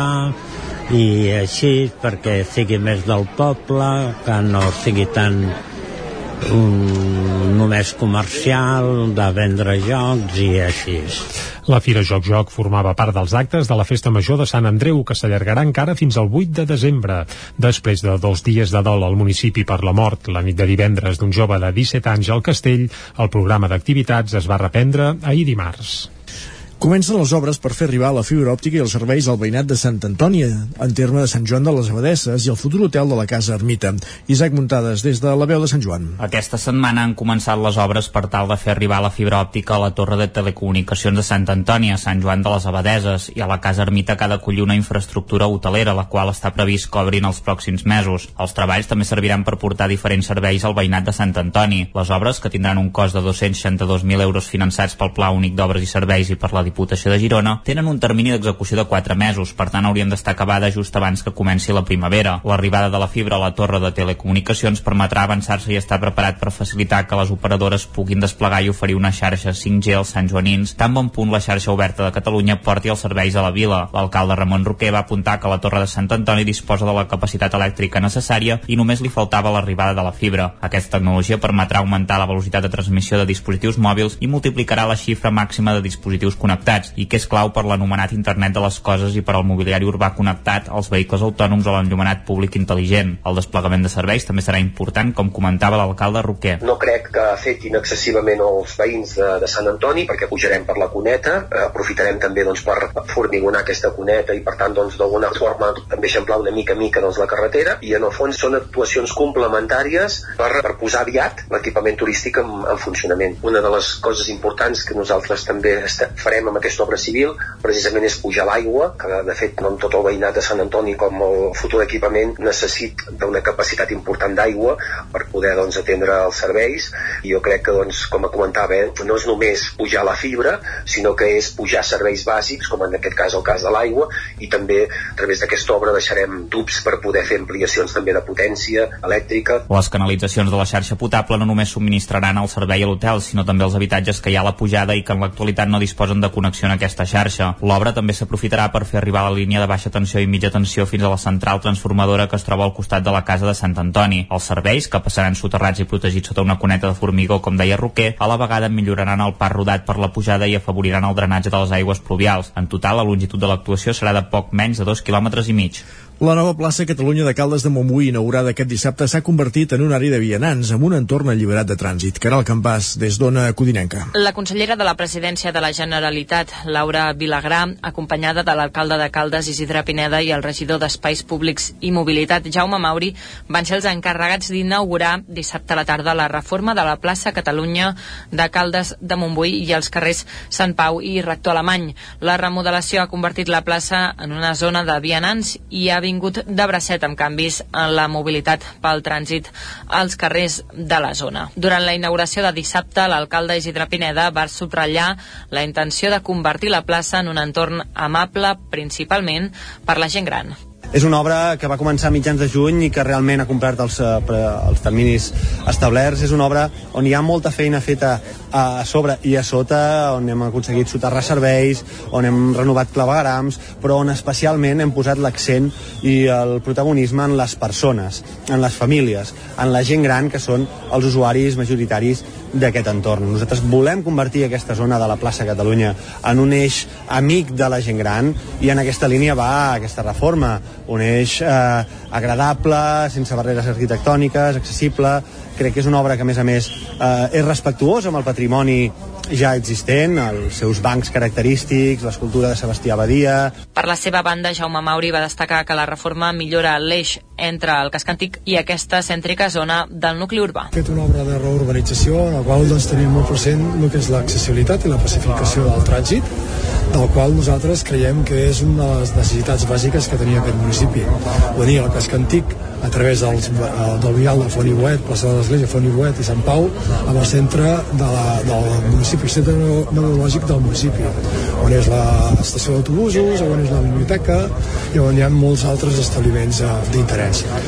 L'acte d'inauguració va tenir la participació d'alumnes de l'Escola Municipal de Música Joan Valls i es va descobrir el mosaic de l'artista calderina Carme Domenjú al terra de la plaça que s'inspira en la silueta de Catalunya i les quatre barres.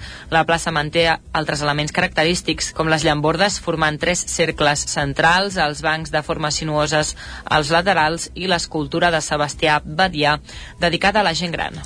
Jan Bové guanya el primer premi en la 18a edició del Festival Julius de curtmetratges a Vic. El certamen ha tornat després d'un any d'aturada obligatòria per la pandèmia i ho ha fet amb 14 propostes rodades expressament per l'ocasió. El lliurament de premis es va fer dissabte en una esgala a l'espai ETC. El Festival Julius és un dels més singulars de tots els que es fan als països catalans i és que les obres que s'hi presenten s'han de rodar expressament pel certamen amb una temàtica central que cada any canvia. Aquest fet ha convertit el Festival Bigatà en un esdeveniment molt especial, tal com remarca remarquen alguns dels seus impulsors. Escoltem a Miquel Bufill i a Robert Jové, dos dels creadors i inventors del festival. I s'està convertint, o s'ha convertit ja en un festival molt maco, vaja. Vull dir... No, home, no és el de Hollywood, però... No, va, va, no? però... Sí, sí, sí. sí. Jo si penso que sí. No, no, és mantenir l'ambient, eh, noves generacions que es van incorporant avui dia és molt més fàcil filmar i muntar pel·lícules i més barat que no pas a l'època que nosaltres havíem començat que, es, que era sí, tot sí. en superbuit, que es havien d'anar a posar les bandes sonores a Perpinyà, Tècnicament, en 18 anys, tot ha canviat molt, ja no cal anar a Perpinyà a posar bandes sonores, i si bé la tecnologia fa que ara sigui més fàcil rodar un curt, aquesta vegada el contratemps principal no ha sigut tecnològic, sinó que ha vingut de la Covid, ho explica Sergi Calle, president de Cineclub Vic. Aquest juro s'ha hagut d'esperar un any, ens vam haver de, de suspendre la sessió, com a aplaçar-la fins aquest any, i aquest any ha anat bé, com a mínim l'hem pogut organitzar dins dels paràmetres correctes el que sí que evidentment la, la collita ha set, ha set una mica més reduïda per les dificultats que tenen molts dels directors i directores de, de poder trobar temps tot, amb totes les dificultats que, que hem viscut per rodar un curt i presentar-lo. Tot i les dificultats, doncs, i amb un any de retard, el 18è Julius ja és història i ja té guanyadors, que es van conèixer dissabte en la gala que es va fer a l'ETC de Vic. El Gran Premi Julius Ciutat de Vic, dotat amb 2.000 euros, va ser per Jan Bové amb el curt Otomaniki. El segon millor curtmetratge, amb 1.000 euros de premi, va ser pel dibuixant Xevi Domínguez, amb Julius Akira Esteve. Un altre dels autors premiats va ser Jordi Cruzats, un habitual del Julius, que es van dur el premi Cert o no cert al millor cartell, i l'Orson Welles a la millor qualitat tècnica. La millor banda sonora va ser per Pep Álvarez i el premi a millor interpretació va ser per Eduard Pujol.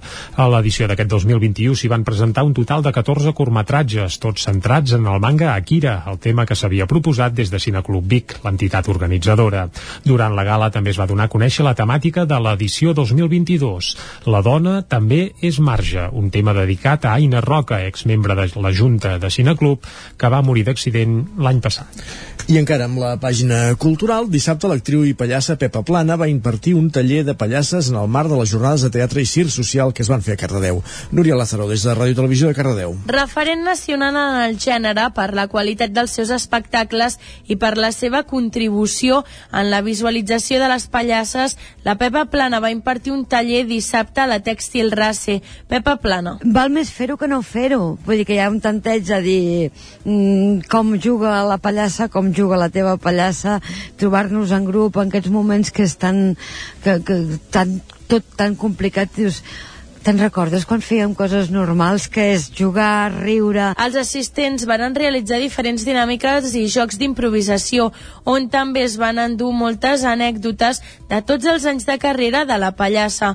Neus Ferrer. Pepa Plana la vaig veure en una obra que va venir a fer aquí a Cardedeu no fa gaire, i és una dona doncs, que em va transmetre molta alegria, molta innocència, i no tenia ninguna expectativa sobre el taller, sabia que venia a passar-m'ho bé, he disfrutat moltíssim a més amb el grup m'he sentit molt, molt acompanyada, molt arropada i bueno, una experiència molt divertida. Durant el cap de setmana van seguir les activitats amb tres representacions teatrals al Teatre Auditori de Cardedeu i una taula rodona en la qual també van participar l'Institut Pla Marcell, el programa Cardedeu Coeduca i representants de la recent plataforma de circ i gènere creada en el marc del Pla d'Impuls de Circ de Catalunya. Pas un minut d'un quart d'onze. Gràcies, Núria, que veiem aquí aquest repàs informatiu. Anem pel temps.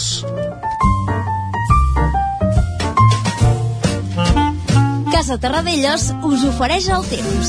I per saber el temps que ens espera per a les properes hores, el que hem de fer és saludar de nou en Pep Acosta, que ja el tenim aquí a punt. Pep, bon dia de nou. Molt bon dia. Després de dos dies de, mm -hmm. de poca incidència meteorològica, sí. de poc moviment, avui se'ns torna a tirar sobre un front de nord, amb aire fred, no serà tan potent com la setmana passada ni molt menys i portarà moltes menys conseqüències que la setmana passada. El que està clar és que avui ens veiem unes temperatures eh, força baixes. Va entrant aquest vent de nord. Mica a mica s'anirà notant. No bufarà avui molt fort. Avui seran cops més fluixos i cap al Pirineu s'aniran nuvolant. Ara hi ha pocs núvols, però el Pirineu s'anirà ennuvolant. I atenció també cap a mitja tarda, última hora del dia, la possibilitat de tempestes cap a la zona del prelitoral. Sobretot cap a Vallès Oriental i Osona poden caure alguna tempesta. Eh, no és segur que caigui, eh? Dic que pot caure, eh? No, no és 100% segur, però aquestes entrades de vent de nord, eh, amb estrella tramuntana, hi ha aquesta zona de convergència cap, a, cap al prelitoral i és possible que hi hagi alguna tempesta, alguna petita tempesta sobtada que pot caure aquesta tarda vespre. Les temperatures seran una mica més baixes que les d'ahir. Ahir la majoria de màximes entre 9, 9 i 15 graus, avui més baixes, eh? Cap valor superarà els 12-13 graus. Ens hem d'abrigar. Uh, fa dies que dura aquest ambient fred, doncs avui s'accentuarà per aquesta entrada de vent de, de nord. I això és tot. Uh, demà sembla que el vent sí que s'intensifica, la nevada al Pirineu també, avui no, eh? avui de moment eh, poca nevada al Pirineu, eh, ha nuvolant però nevarà poc, i això, la possibilitat d'alguna tempesta cap al peritoral serien els elements més destacats de, del dia d'avui. Veurem què acaba passant.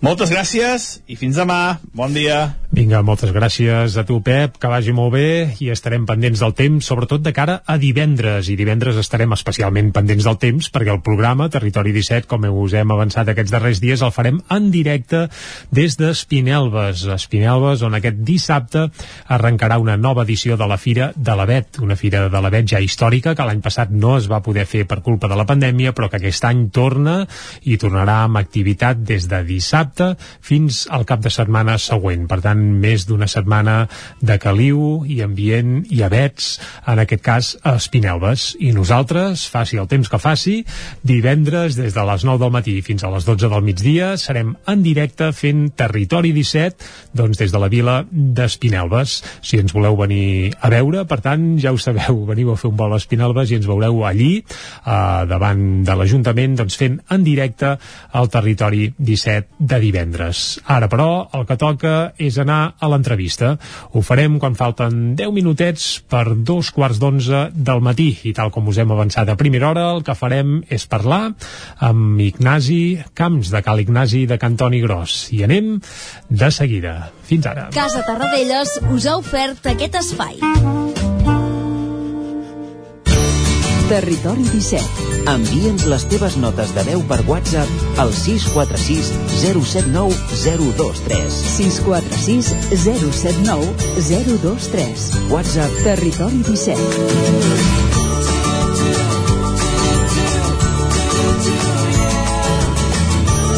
Territori 17.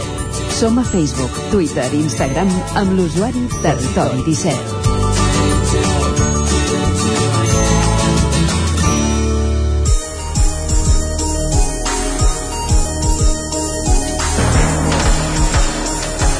L'hostaleria, el comerç o els industrials que fan feina al cap de setmana han llançat un crit d'alerta perquè no troben mans. La situació s'agreuja en zones més despoblades, com pot ser el Coll Cabra. Treballar al cap de setmana sempre s'ha associat a un sistema de vida contracorrent que possiblement cada cop té menys adeptes, o això és el que sembla, després de veure crides com les que feia Ignasi Camps dies enrere a les xarxes socials, explicant precisament això, que li costa trobar gent per treballar al restaurant Cal Ignasi de, de Cantoni Gros. Ignasi Camps, bon dia. Bon dia, bon dia. Com estem? Uh, sota la boira. Avui Bueno. la tenim aquí dalt. Molt bé. La pobilla no la tenim aquí baix, la tenim aquí dalt. Ah, doncs mira, ha pujat avui. Uh, uh, comentàvem això, aquesta, aquest crit d'alerta que llançaves fa unes setmanes a les xarxes socials pel fet aquest que costa molt trobar gent per treballar els caps de setmana, una, un fenomen que heu detectat de la pandèmia cap aquí. Sí, suposo que és que eh, molta gent de la que estava a l'hostaleria, al tancar l'hostaleria es va passar a altres sectors professionals, no? Aleshores, eh, clar, ara no torna. I el que hem d'intentar els empresaris és fer-los tornar i fer-los atractius, saps? Atractius sí. perquè eh, la gent li torni a agafar ganes de venir a treballar els caps de setmana i se sentin valorats, a més a més. No és atractiu treballar el cap de setmana pel fet que una mica és això, que vas a contracorrent, que la gent vol dedicar-lo al gaudi i això ho noteu cada cop més? Sí, cada, cada cop més. I saps què passa? Que abans tenien, també teníem una població flotant d'estudiants que per pagar-se pues, el pis a Barcelona, Girona, allà on fos, doncs eh, per pagar-se els seus gastos, les seves sortides, etc etc, doncs eh, treballaven, treballaven al sector de d'hostaleria i això ara costa molt de, de, costa molt de trobar, saps? Aquest, aquest tipus de, de persona i després que amb l'hostaleria que ens han anat posant al dia i sobretot jo que penso que muntanya encara més doncs eh, eh, de la manera que està bastant ben, més ben pagat que abans ara eh, jo crec que treballant tres dies guanyen molt més que treballant cinc dies a segons on, saps? Ara tocaves el, el punt, perquè quan es planteja aquest tema, el primer que diu molta gent és oh, que paguin més. Uh, no és el cas en, aquest, en aquesta situació, en el, en el cas que, que tu expliques, no? Diguéssim, considereu que, no. que les vostres ofertes estan ben valorades econòmicament. No, nosaltres pensem que sí. Nosaltres sempre hem anat una mica per davant de, de, de, tothom. El que passa és que jo entenc perfectament doncs, els professionals que, que tenen un determinat establiment que funcionen en menús i que van molt ajustats, que, clar, no poden pagar uns dispendis, però els restaurants de muntanya, que no són precisament molts de nosaltres de menú, sinó que són de, de carta i, i bueno, te- te- tenim la, la, la, la cosa estudiada d'una altra manera fe, pel fet de treballar en cap de setmana. Aleshores, sí que ens permet tenir aquest marge per poder tenir el personal content, perquè si nosaltres fem treballar dissabte i diumenge i volem que treballin a preus de dilluns i dimarts no anem pas bé, saps? En el vostre cas s'agreuja perquè suposo que el que, necessiteu, el, el que necessiteu també en certa manera és gent qualificada. Sí, home, gent qualificada o gent que, que puguem formar, perquè ens hem fet a la idea de que eh, la gent jove té molta, molta rotació, costa molt de fiançar algú que se quedi de per vida, per, per dir-ho de manera com passava abans, no? ara no, ara, ara té molta rotació, aleshores eh, la formació entra dins les feines que has de fer, de moltes altres que ja fem, eh, la formació és, és constant, vull dir, eh, no, no, no parem de, d'ensenyar. Igual dius allò de que quan els tens ensenyats se'n van. Bueno, sí, però és que si no es fa així no, no hi ha manera, no, no hi ha prou escoles d'hostaleria a la comarca per donar l'abast a tota la demanda que hi ha. En el vostre cas, el crit d'alerta el llançàveu perquè en poc temps us marxava, us plegaven dues persones. Heu aconseguit cobrir aquestes baixes o, diguéssim, quines solucions heu adoptat al respecte? O, o heu d'adoptar? Bueno, mira, eh, hem, hem, hem aconseguit trobar eh, pedaços, saps? Eh, de gent que sabem que ara acabat temporada doncs, eh, a Menorca, per exemple, i, i li han demanat que vingui a passar l'hivern aquí a casa. Bueno, hem, hem anat buscant eh, coses alternatives. Estem en vies d'algun tipus de pacte amb l'Escola d'Hostaleria d'Osona, saps? Eh, bueno, anar buscant per aquí i de tota manera no parem de donar veus. Perquè, bueno, perquè hem de canviar eh, jo penso que el criteri, saps? El criteri no és, no és allò de plorar, ai, ai, ai, que ens falta gent, que, que no trobem gent, no, no. Jo penso que el que ens hem de fer és, és ser atractius. Atractius perquè la gent digui, hosti, provem-ho, tu, per què no podem treballar de cambrer? Aquí a casa els cambrers, dic cambrers perquè són els que estan de cara al, de cara al client, eh, els cambrers tenen un nom, saps? Sí. No, no és noi, noia, no, no. Són, saps, es diu Alba o es diu Oriol, tant és. I sempre al client se li indica l'Oriol estarà per vosaltres, l'Alba estarà per vosaltres. Vull dir, eh, aquí jo crec que és, el, el, el, intentem fer-los sentir més valorats. Ja per últim estem acabant, però ja que tenim avui al telèfon no podíem deixar, parlar, eh, deixar passar l'oportunitat de parlar de tòfones, perquè ha començat la temporada, no sé si Cal Ignasi també ja ha començat, ja hi ha el menú de la tòfona i, en, i en què ha millorat o, o, o com ha evolucionat aquest any. Bueno, la tòfona és, és un tema que és, aviam, és, és un, pèl, un pèl complicat de parlar, saps? Eh, la tòfona, algú hauria de posar el seny de dir, comencem l'època de la tòfona de l'1 de gener al 30 de març, perquè el clima ha anat canviant i ha anat canviant la maduresa de les tòfones. Aleshores, ara les tòfones, la gran majoria són superverdes, molt verdes. Doncs haurem, haurem I, I és un discurs que donaria per una entrevista sola. doncs ho deixem per un altre dia perquè avui se'ns esgota el temps. Per tant, encara no, no és moment de cuina de la tòfona, malgrat el que No, sí que ja ha començat la que temporada de, de collita. Però el que deies, encara són verdes. són verdes, són verdes. Gràcies, Ignasi Camps, per ser avui amb nosaltres al Territori 17 i explicar-nos aquesta realitat. Gràcies per comptar amb mi. Fins la propera. Bon dia. Vinga, gràcies. Adéu, bon dia. I ara fem una petita pausa i tornem en 3 minuts aquí amb més actualitat, eh, amb més coses al Territori 17. El nou FM, la ràdio de casa, al 92.8. Vine a Autoscola Montseny. Ara és el moment de fer els cursos de teòrica intensius, ràpid i eficaç. T'informarem dels PACs. Permís de moto de 16 i 18 anys i permís de cotxe. I si vens a veure'ns, tindràs un obsequi. Apunta't i no t'ho pensis més. Per més informació, Autoscola Montseny, Rambla de Vallades, número 13 de Vic. Busca'ns a Instagram i Facebook. Autoscola Montseny us desitja unes bones festes. Cefusol, centre de formació de soldadura GURB. Som especialistes en processos de soldadura. Disposem d'instal·lacions totalment equipades per a classes de teòrica i pràctica amb cabines individuals i equipaments de seguretat. Assessorem empreses i oferim cursos subvencionats i bonificats. Vine i t'informarem. Cefusol, som al carrer Sant Roc número 21 de GURB. Telèfon 664 206 192. També ens trobaràs a cefusol.com i a YouTube. Cobertes serveis funeraris. Els nostres tanatoris estan ubicats en els nuclis urbans més poblats de la comarca d'Osona per oferir un millor servei. Tanatori de Vic, Tanatori de Manlleu, Tanatori de Centelles i Tanatori de Roda de Ter.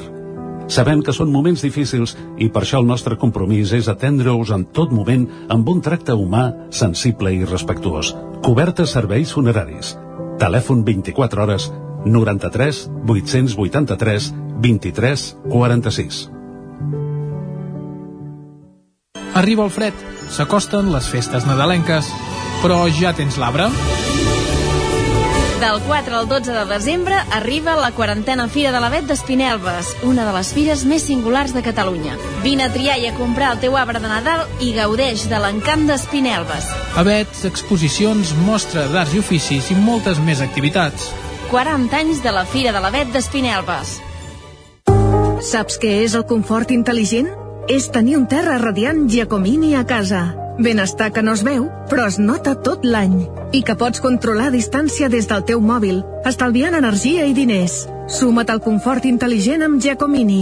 Informa't a giacomini.es o truca al 93 884 1001 i t'ajudarem a tenir un terra radiant a casa o a l'oficina. Giacomini, la climatització que et mereixes. Anuncia't al 9FM. La màquina de casa. 9 3 8 8 9 4 9 4 9 Publicitat arroba al 9FM.cat. Anuncia't al 9FM. La publicitat més eficaç. El 9FM, la ràdio de casa, al 92.8.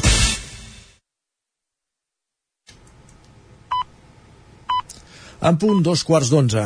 Territori 17.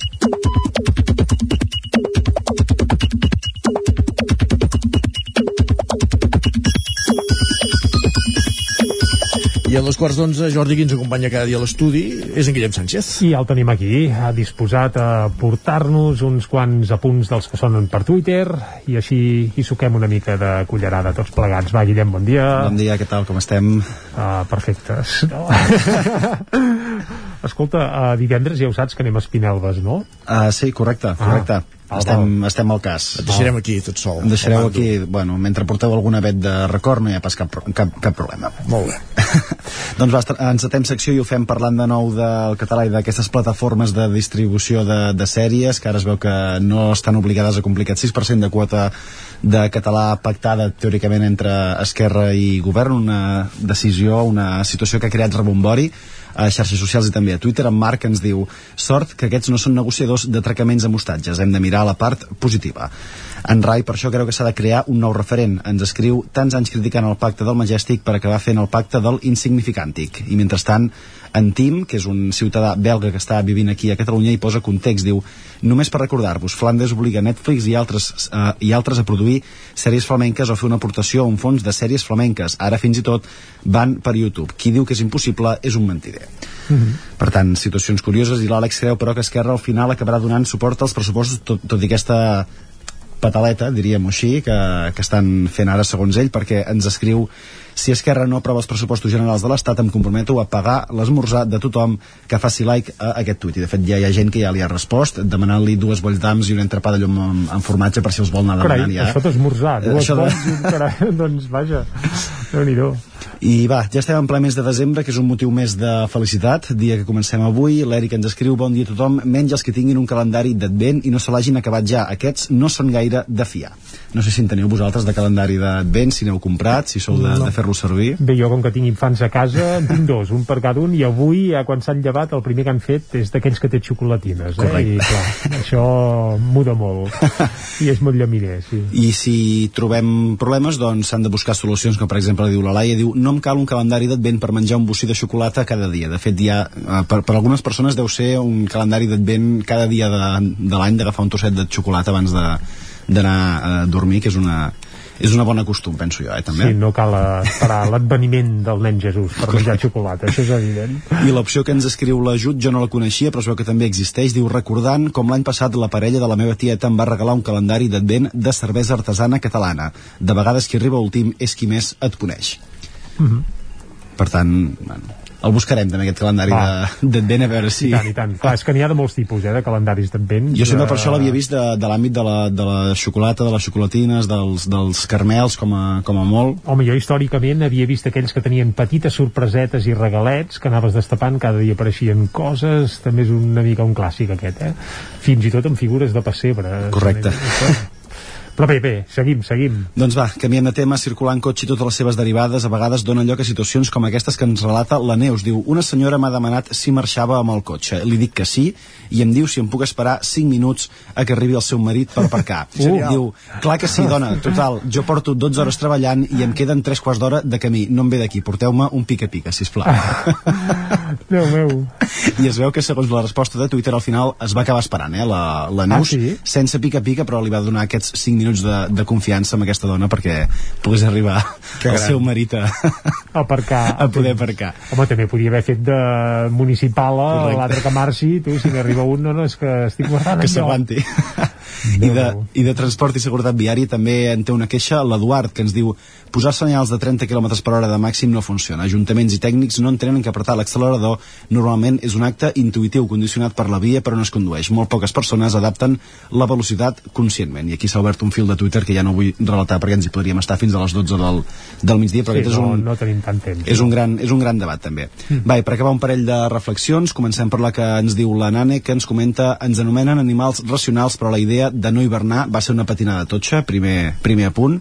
Tot i això, com diu la Bet, ja tinc en ment que a la setmana que ve se li sumen 3 dies de pont i, per tant, de sofà i de manta. Vinga. Carai, doncs sofà i manta. Bones perspectives per la, per la Bet, si Home, jo li aconsello que faci un vol també. No? Alguna cosa més, alguna cosa més. Per Espinelves, per exemple, Per la Fira de exemple- la Bet, si vol, fins i tot es pot atrevir a anar al Mercat Medieval de Vic. Eh? i començar ja aquest eh, cap de setmana de 8 dies per ella o de 25 doncs amb, amb molt bon peu Carai, 25, per, ja en Palma fins ben passat Fins a. Nadal. tu no, eh, Guillem? Tu seràs No. aquí demà, eh? Estarem també? aquí, estarem aquí. Ah, perfecte, moltes gràcies. a vosaltres I Isaac, si et sembla ara el que farem és fer un cop d'ull al que diuen les portades dels digitals, Som-hi, del nou ràpidament. .cat. Comencem pel Vallès Oriental, on expliquen que el Palau d'Esports i Granollers ja estan preparats per a dues setmanes amb el millor handbol femení. Recordem que s'hi farà, bé, s'hi fa ja, arrenca el Mundial d'handbol. És una de les tres subseus, eh? Ah, exacte, una de les subseus doncs és Granollers. També la Garriga haurà de tallar finalment vuit arbres d'un carrer per la dificultat de trasplantar-los una polèmica lligada amb l'arbrat i a més a més amb la, bé, amb la reconversió d'alguns carrers. Martorella s'assuma al projecte Stolperstein que són aquelles plaques, aquelles Llambordes. eh, llambordes que es posen a terra a, les terres per recordar doncs, víctimes de l'holocaust nazi. Anem ara, si us sembla, cap a l'edició d'Osona i el Ripollès, el 99.cat, ara mateix el que hi trobem a portada és un rebel a les ciutats dels Sants, la crònica de l'homenatge que es va fer a Toni Coromina aquest passat diumenge a l'Atlàntida de Vic. També l'oposició de Torelló porta al ple la polèmica per les multes al carrer Sant Bartomeu. Aquí sí que ja et dic, Guillem, que el tema d'anar a 30 eh, gairebé és un acudit a, a Torelló. I les granges d'Osona guanyen 10 medalles als Premis Porc d'Or. El que, has d'aconseguir el, la el que has d'aconseguir Torelló és que no vagi 30 al darrere teu si tu, perquè si tu vas bé i al darrere és el que apretes Et llavors passa l'únic que es el passa el semàfor, Ai, cas en dena. en fi, Bé, va uh, deixem-ho aquí. haurem de posar- posar-hi la senyora de, de l'aparcament a, a vigilar Sant Bartomeu i dir, senyor no passi de 20 que està passant el meu home vinga va, uh, anem a la taula de redacció Anem-hi.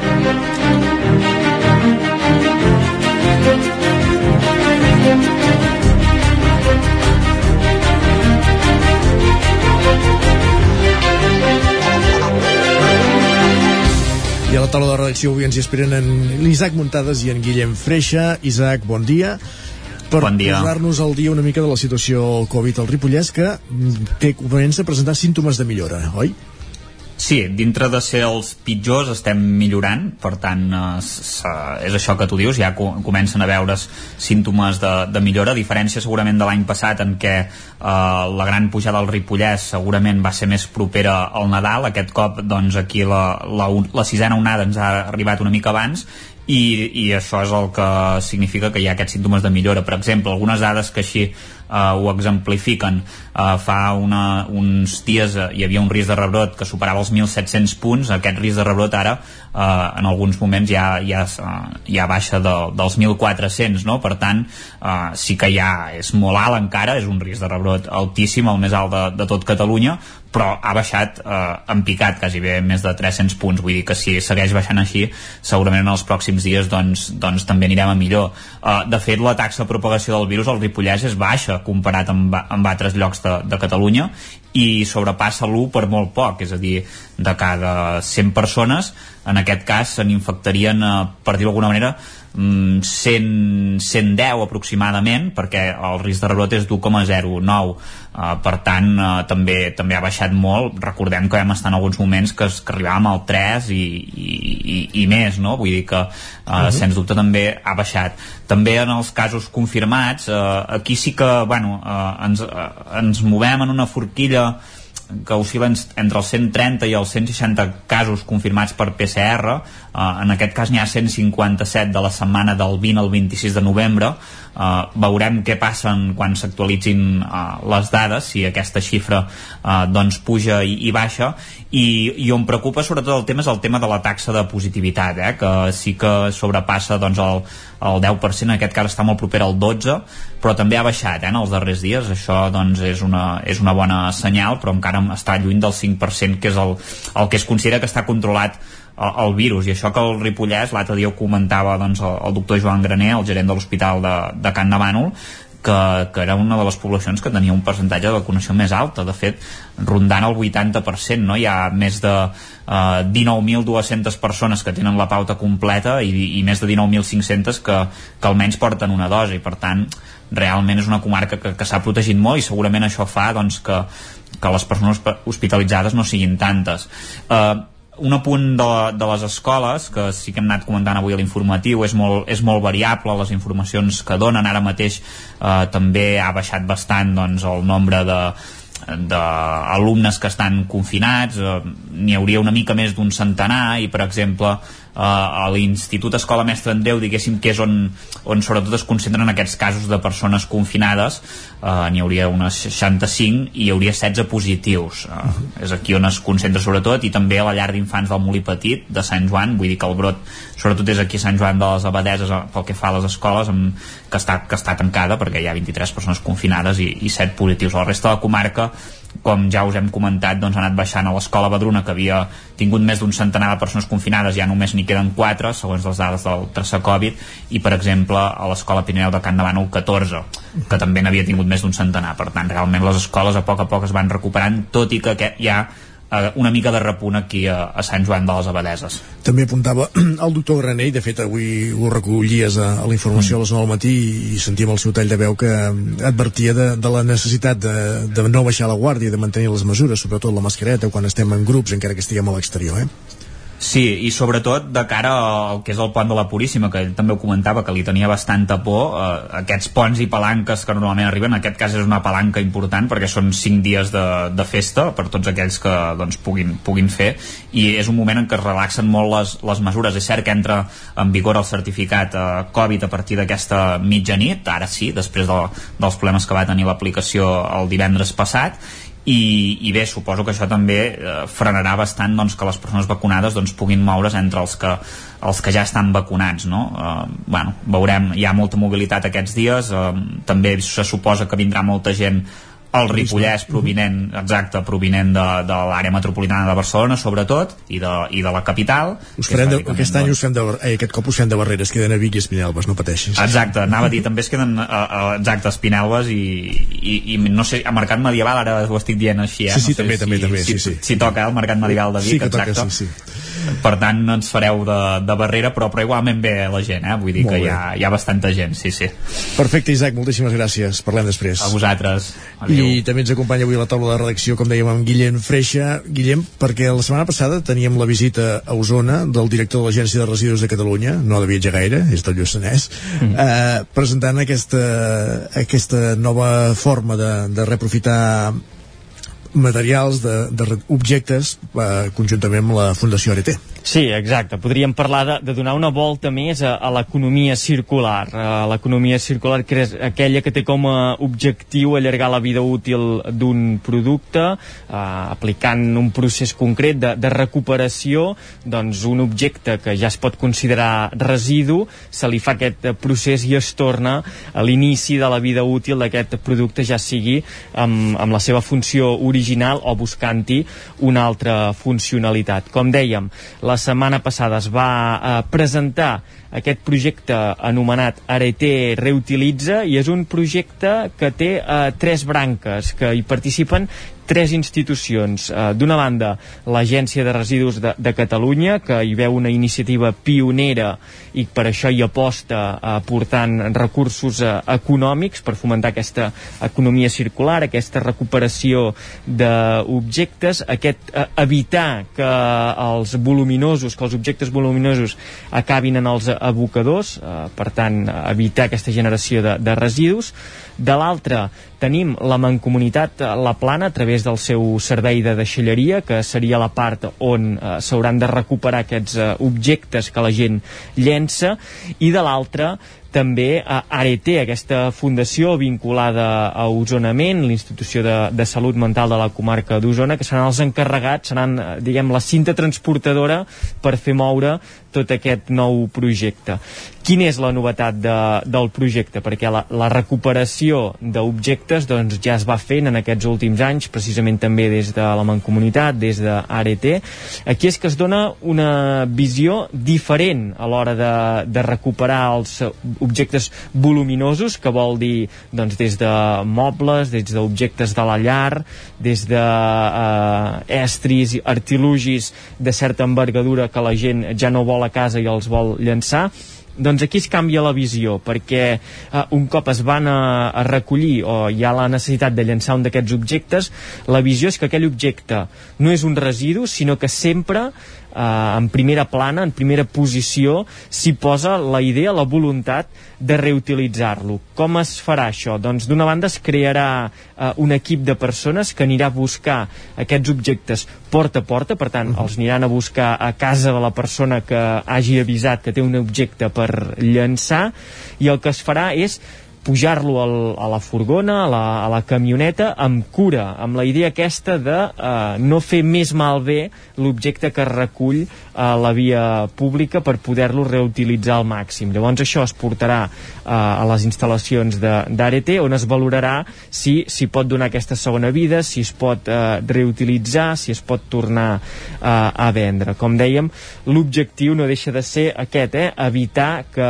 es vagin enviant eh, residus residus cap als abocadors, eh, normalment quan hi ha eh, sofàs, quan hi ha eh, diversos objectes d'aquesta tipologia, el que es feia era que es llançaven en la fracció resta, això volia dir que acabaven a, a l'abocador, en el cas d'Osona. I, són, eh, i pesen, a Durís, sí, i, i feia gràcia perquè Isaac Paraire ho va dir, diu, eh, estem parlant dels voluminosos que com el seu nom indica eh, són molt voluminosos, són molt grossos, per tant a l'abocador quan hi arriben aquesta tipologia d'objectes eh, és un drama perquè han de passar o bé per un procés de destrucció que comporta també eh, una despesa d'energia de, de i que després acaben allà enterrats, es va tapant aquest abocador eh, d'uris, es van omplint els vasos i arribarà un moment que s'haurà de, de buscar una altra, una altra alternativa com dèiem, destacar això, eh, que la Mancomunitat, la Plana i Arete tornen a ser pioners en aquesta idea de veure sempre els objectes amb la idea de, de reutilitzar-los.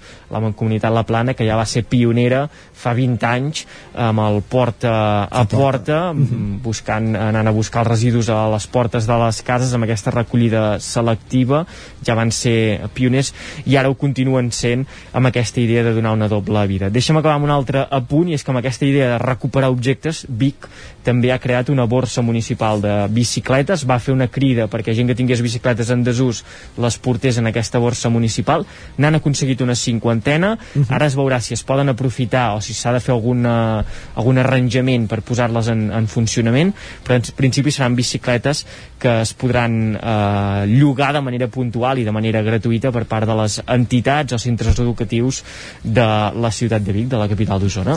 Perfecte, moltíssimes gràcies Guillem per aquest apunt d'economia circular. Acabem aquí la taula de redacció. I tot seguit el que fem és dedicar-nos a parlar de llibres, com cada setmana al Lletra Ferits, avui des de Ràdio Televisió de Cardedeu, amb l'Òscar Muñoz, que ha parlat amb la Teresa Sagrera. Tot seguit al Territori 17.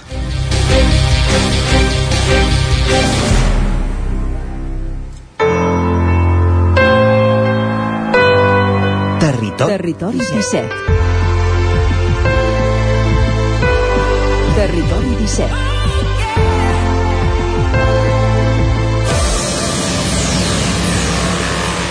Dotze minuts i les 11, per tant anem al Lletra Ferits, parlem de llibres avui, com dèiem, des de Ràdio Televisió de Cardedeu. Òscar Muñoz ens porta aquesta secció en companyia de Tres de Sagrera.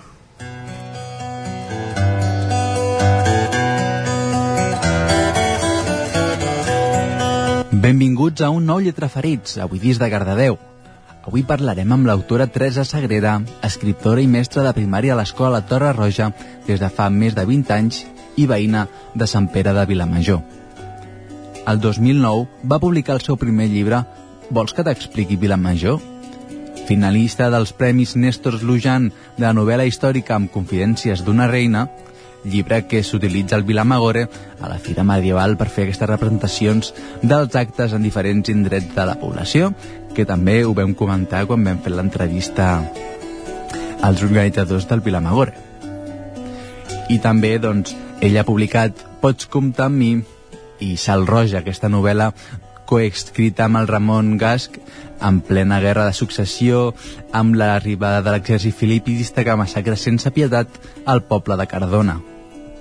Aquest any, per això, la Teresa ha publicat Cabells de Gebre i últimament doncs, no para quieta. Ara està proporcionant el llibre en diferents poblacions de la comarca i nosaltres doncs, vam poder ser-hi a la presentació del llibre que va fer al Museu Arxiu Tomàs Balvell de Cardedeu.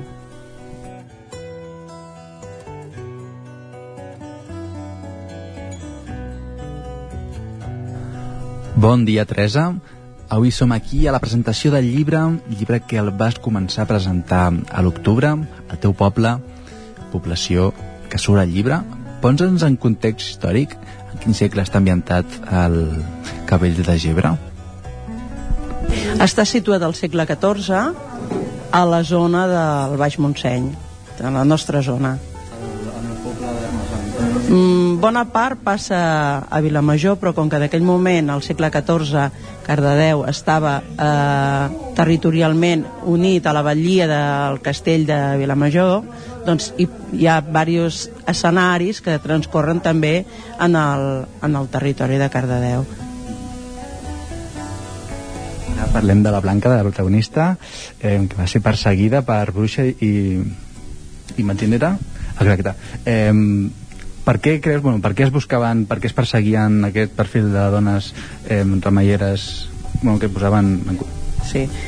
La Blanca, tot i que al segle XIV encara no estem dins de la cacera de bruixes pròpiament, diguéssim que està germinant la llavor del que seria a partir del segle XV la, la cacera de bruixes, no? i eren dones que majoritàriament eren dones que es perseguien perquè se sortien del que estava establert, del que eh, d'estar de sota el patriarcat, d'estar sota les lleis de l'Església i del poder. I per això eren dones doncs, que es perseguien.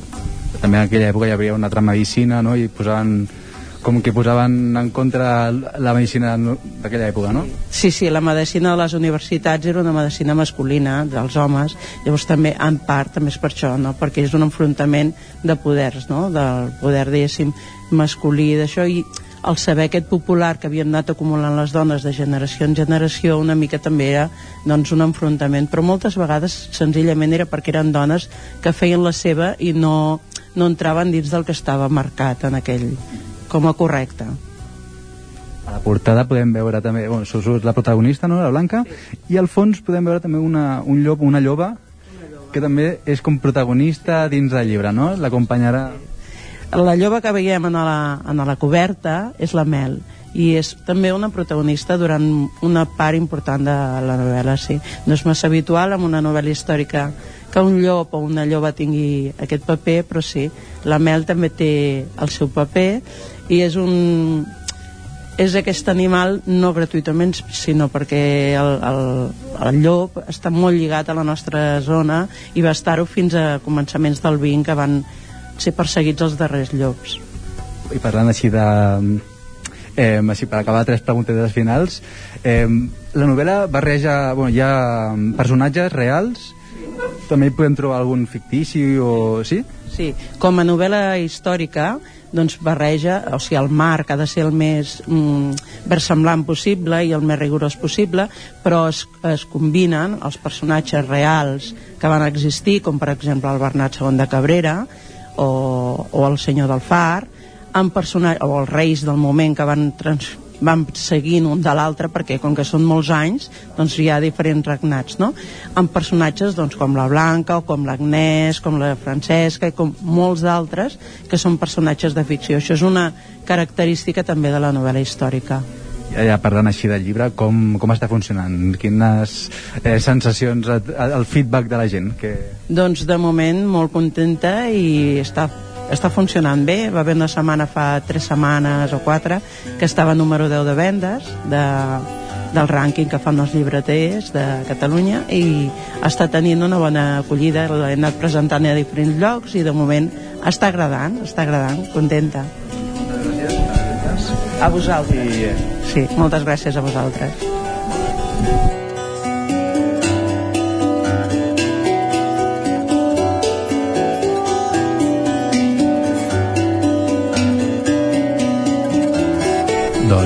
Fins aquí aquesta breu entrevista amb la Teresa Sagrera i el seu nou llibre Cabells de Gebre. Així per resumir, doncs, la novel·la està ambientada en el segle XIV i recrea els escenaris del moment, castells de la zona com el Castell Vell de Llines del Vallès, el Castell de Montclús o el Castell de Vilamajor. I com no, especialment el Castell de Montsoriu, que és el que surt a la portada. Esglésies, viles, monestiris com el de Breda i doncs, ens ensenya també la vida rural en els cultius i les masies, la societat on veuríem les costums, els enfrontaments entre senyors i la gent del poble, els esclaus, la pesta i les visites pastorials del bisbe de Barcelona. Perquè, com no, al llibre també ha d'haver-hi política, amb el, les, amb el comte Bernat II de Cabrera. És el dels protagonistes i apareixen altres nobles de la zona i la seva relació amb els reis de la corona catalana aragonesa, principalment amb el Pere III, que aquí el de Cabrera va ser la seva mà dreta. Però sobretot sortiran llegendes com el del castell de Montsoriu i alguna del Montseny, també relacionat amb les lloves, ja que, com ha comentat la Teresa, surt una lloba a la portada i doncs ho enllaçarien tot per allà. Nosaltres, doncs, marxem tornem amb la setmana que ve amb un nou Lletra Ferits. Perfecte, gràcies Òscar per aquest Lletra Ferits avui en companyia de l'escriptora Teresa Sagrera com deies que ja vam parlar amb ella fa poques setmanes parlant del Vila Magore abans de la seva celebració a Sant Pere de Vilamajor Continuem al territori 17, arribarem a les 11 amb música.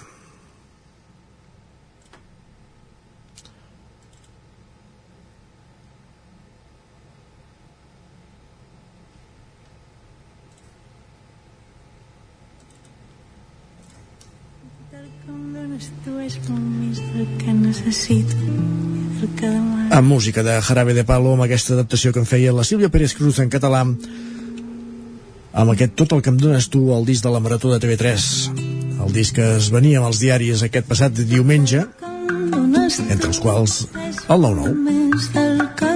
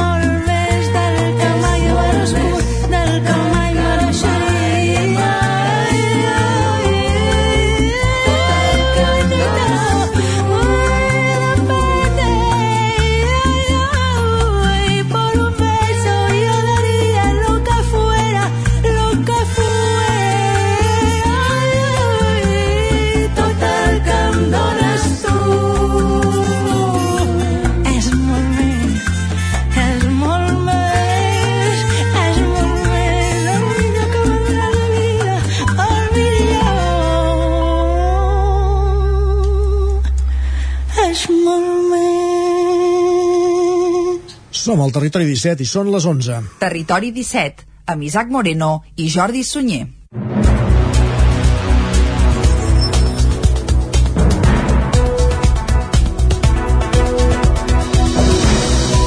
I a aquesta hora és moment de posar-nos al dia, d'actualitzar-nos amb les notícies més destacades de les nostres comarques, el Vallès Oriental, el Moianès, Osona i el Ripollès.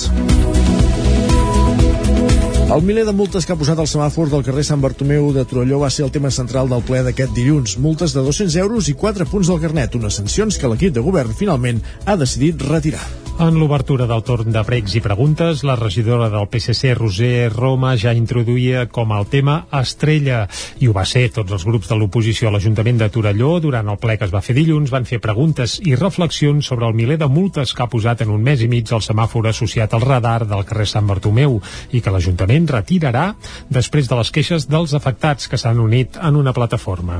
Els socialistes van demanar poder accedir a l'informe de l'empresa que va instal·lar el semàfor.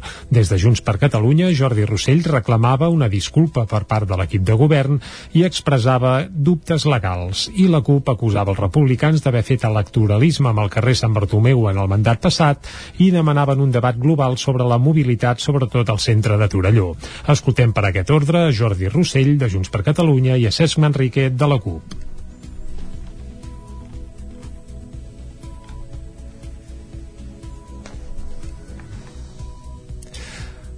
El regidor sembla que no el podem escoltar ara mateix a Jordi Rossell i a Cesc Manrique, per tant explicarem que el regidor de Serveis Territorials, Adrià Jaumira, i l'alcalde de Torelló, Marçal Ortuño, insistien durant el ple que es va fer dilluns que les multes es retiren perquè la senyalització era insuficient i negaven que s'hagi comès cap tipus d'il·legalitat. Els escoltem a tots dos no els escoltarem. Eh, expliquem també que el ple de Torelló, que es va fer dilluns, es va aprovar la liquidació de les obres del carrer Nou i el corredor de Can Reig, amb contribucions especials dels veïns que han assumit 121.400 euros, un 20% del cost total que tindrà l'actuació.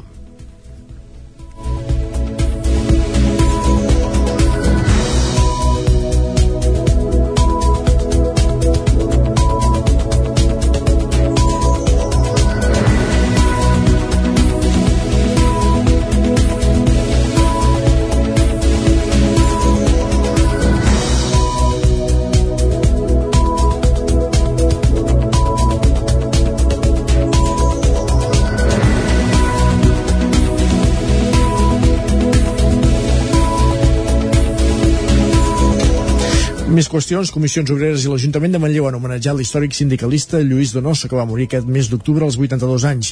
L'emotiu acte va tenir lloc al Teatre de l'Escola Puigdegut, un espai que en record seu a partir d'ara portarà el nom de Lluís Donoso. Manlleu es va acomiadar públicament de Lluís Donoso, l'històric militant del sindicat Comissions Obreres i activista veïnal que va morir el passat 9 d'octubre als, als 82 anys. En l'acte que es va fer dijous passat al Teatre de l'Escola Puigdegut hi van assistir representants dels quatre pilars vitals de Donoso, la família, el sindicat, el barri de l'Erm de Manlleu i la Fe. Nascut a Peñarroya, Pueblo Nuevo, municipi de la província de Còrdoba, Donoso va arribar amb la seva família a Manlleu als 10 anys. Va ser secretari general de Comissions Obreres a Osona entre 1984 i 1996 i va ser també un dels impulsors a la comarca del CITE, el Centre d'Informació per a Treballadors Estrangers del sindicat. La seva filla Magda Donoso va recordar la figura del seu pare durant un acte en què també es van sentir els discursos de Miquel Casanovas, president de l'Associació de Veïns del barri de l'Erm, i de Javier Pacheco, secretari general de Comissions Obreres a Catalunya. L'acte el va tancar l'alcalde de Manlleu, Àlex Garrido, que va cloure eh, tot l'acte explicant una anècdota, i és que quan va accedir a l'alcaldia de Manlleu, eh, bé, Donoso el va, el va anar a visitar, ho escoltem, ho escoltem. El primer que, que, que em va dir en Lluís quan vaig accedir a l'alcaldia uh, va ser una frase que em va, que em va colpir i, i que realment al final va acabar sent certa.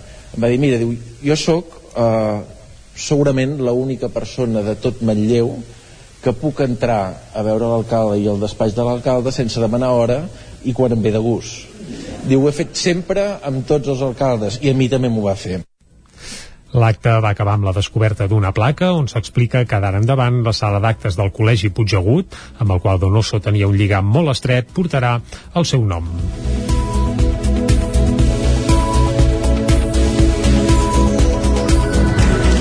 Comença una nova edició dels COU, els pressupostos participatius juvenils de Cardedeu que combinen la democràcia directa amb processos deliberatius basats en l'empoderament personal i comunitari.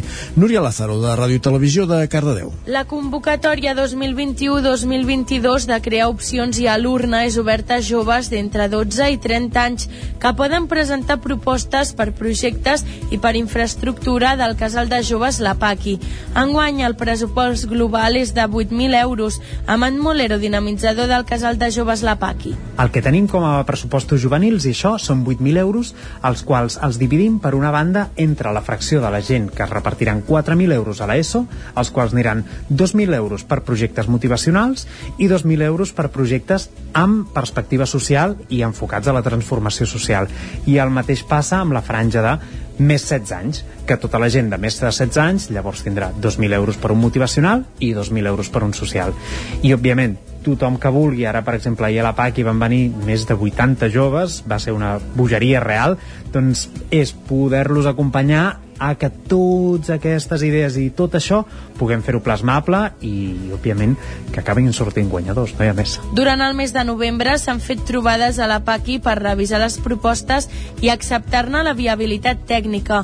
Un cop validada, cal registrar-la al formulari d'inscripció de propostes del COU 2022 abans del 31 de desembre, indicant si és una proposta social o una proposta motivacional. Gràcies, Núria. Tona va recuperar ahir dimarts, dia de Sant Andreu, els actes de la Festa Major 2021. Ho va fer amb l'entrega del Premi Miliari d'enguany a Margarida Valeri i va recuperar els actes perquè durant dos dies hi havia tona eh, dos dies de dol per la mort divendres, recordem-ho, d'un jove de 17 anys que va patir un accident a la falda del castell de Tona.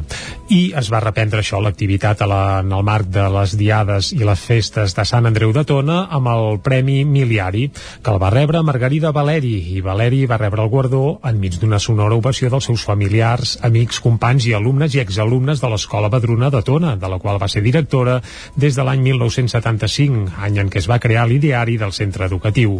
La seva filosofia, basada en la participació, el consens i el treball en equip, oberta a tothom, encara perdura en l'actualitat al centre educatiu de Tona. El premi vol reconèixer el paper referent que Valeri va tenir per a moltes dones i per a la comunitat educativa durant els 28 anys que va formar part de l'escola, respectant sempre la individualitat de cadascú. Escoltem a Valeri emocionada a l'hora de recollir el premi. Els que em coneixeu ja podeu pensar que primer vaig dir un no com una catedral perquè a mi aquestes coses sembla que també ja ho han dit em costen molt. Però també és veritat que l'amor va poder més que el no i per això sóc aquí perquè estimo i us estimaré sempre. Moltíssimes gràcies doncs per haver pensat en mi i pel vostre efecte de veritat sou el meu poble. Durant l'acte d'entrega del Premi Miliari, amics, companys i familiars van tenir paraules d'agraïment per Margarida Valeri, a qui també li van entregar diversos regals, com una caixa de caramels Joanola i un coixí, dos dels seus secrets a l'hora de treballar en equip quan era a l'escola de Tona. La candidatura de Margarida Valeri va ser proposada per antigues alumnes de l'escola Badruna, companyes seves i l'entitat Dona Veu en el marc del procés participatiu per escollir-ne el guanyador. L'acte va acabar amb la lectura d'un poema i una actuació musical dedicada a la premiada. Caldes de Montbui aprova el protocol d'abordatge de les violències masclistes i LGTBI fòbiques en espais públics d'oci. Caral Campàs, des d'Ona Codinenca. Caldes de Montbui ha aprovat inicialment per unanimitat el protocol d'abordatge de les violències masclistes LGTBI fòbiques en espais públics d'oci. Leia Cuscó, regidora de Joventut, explica les línies mestres d'aquest protocol. Aquest protocol tracta de detectar les problemàtiques existents i plantejar solucions i fórmules per prevenir i evitar aquest tipus d'agressions en qualsevol dels espais públics de Caldes de Montbui. Després d'uns mesos de treball, el grup motor, que és un grup interprofessional i interdepartamental creat a principi del procés de l'elaboració del document per al seguiment del procés de construcció d'aquest pla, es reconeix la feina feta fins ara en matèria de prevenció de violència masclista al municipi i aposta clarament per intensificar i augmentar la formació i la sensibilització en el conjunt de la població on també s'apunta la necessitat de fer alguns canvis en l'urbanisme actual d'alguns dels nostres entorns. D'altra banda, tots els grups del ple municipal van donar suport també al Pla d'Acció per l'Energia Sostenible i pel Clima de Caldes i alhora es va aprovar una moció d'urgència en suport el model lingüístic de l'escola catalana davant la sentència del Tribunal Suprem espanyol que imposa el 25% de l'escolarització en castellà. Aquest punt es va aprovar amb els vots favorables de tots els grups, menys el PSC que es va abstenir. Els expliquem també que la llibreria cooperativa La Lluerna obrirà Ripoll a partir del gener amb un fons d'uns 7.000 exemplars i la voluntat de fomentar la lectura crítica. Isaac Muntades des de la veu de Sant Joan. El pròxim mes de gener està previst que obri a Ripoll una llibreria cooperativa, La Lluerna, que estarà ubicada dins el local de la cooperativa, un nou espai multifuncional que es troba a la plaça Gran del municipi. La idea sorgeix de la simbiosi entre la ripollesa Carles Carrà i els sis socis que componen la cooperativa Mas La Salada Sant Pau de Segúries perquè creuen que al Ripollès no hi ha una llibreria, valgui la redundància, amb vocació de llibreria. Consideren que hi ha papereries que venen llibres però no hi ha la figura d'un llibreter que estigui especialitzat i pugui recomanar lectures. De moment han iniciat un micromecenatge a la Fundació Trio 2 que ja compta amb 46 mecenes que hi han aportat 4.290 euros, molt més dels 1.000 que necessitaven. A més, si arribaven aquests diners, la Fundació Trio 2 els n'hi donava 1.000 més. Marta Barceló, del Mas La Sala, comenta algunes de les recompenses que s'ofereixen per col·laborar. N'hi ha que estan relacionades amb la sala i llavors tens des de 5 euros que et donem les gràcies a 30 que pots venir a fer una visita així portes obertes a la sala, a 60 euros que t'endús dos llibres i també pots fer una donació lliure amb els diners que tu consideris. També hi ha disponibles una o dues nits als hotels Artiem si col·labores amb 100 o 280 euros. La previsió és que la llibreria comenci amb uns 7.000 llibres, uns 3 exemplars de cada títol i en estar relacionada amb l'economia social i solidària, també es vol apostar per unes obres en concret. Ho explica Carles Carrà. Al ser un projecte cooperatiu, al final nosaltres tenim ganes una mica de, de transformar el sistema i sobretot ens agradaria trobar llibres en la línia de l'anàlisi crític. No? Llavors ens agradaria trobar assaig, però al final tenim ganes de cobrir una mica totes aquest, tota aquesta esfera de lectors que hi ha al Ripollès i llavors, per tant, ens agradaria tenir una mica el que la gent té ganes de llegir. No? Llavors, una, una mica una llibreria de manda. L'espai també està pensat perquè s'hi puguin fer presentacions de llibres, recitals de poemes o cursos de formació en l'escriptura. A més, en compartir l'edifici amb una cafeteria i una zona de treball, es vol que la gent que vingui a treballar o a fer un cafè també pugui llegir o viceversa. Gràcies, Isaac. Acabem aquí aquest repàs informatiu que començàvem a les 11 en companyia d'Isaac Muntades, com sentíem, però també de Caral Campàs, Núria Lázaro i Jordi Sunyer. El territori 17 continua. Tot seguit anem al territori sostenible amb en Jordi Givert. Avui parlant dels drons que utilitzen per prevenir incendis la, les ADF. Serà tot seguit aquí, al territori 17. I ja sabeu que la recta final del programa d'avui passarem com cada dia per l'R3 i repassarem l'agenda cultural pels propers dies.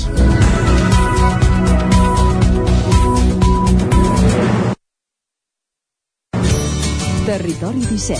Envia'ns les teves notes de veu per WhatsApp al 646 079 023. 646 079 023. WhatsApp Territori 17.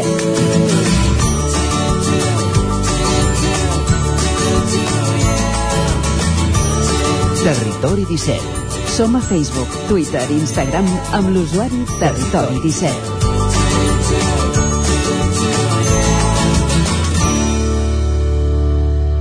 Passen 13 minuts i mig de les 11, anem al territori sostenible, ara sí.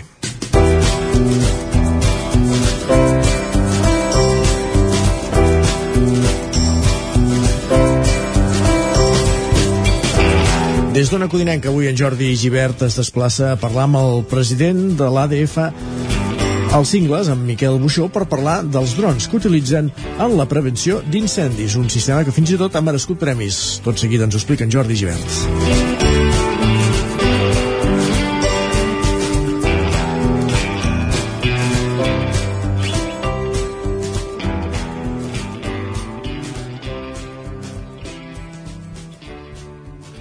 Avui al Territori Sostenible volíem dedicar el programa a conèixer un nou projecte d'utilització de drons en la prevenció d'incendis que s'està utilitzant al Moianès, concretament amb, de la mà de l'ADF als cingles.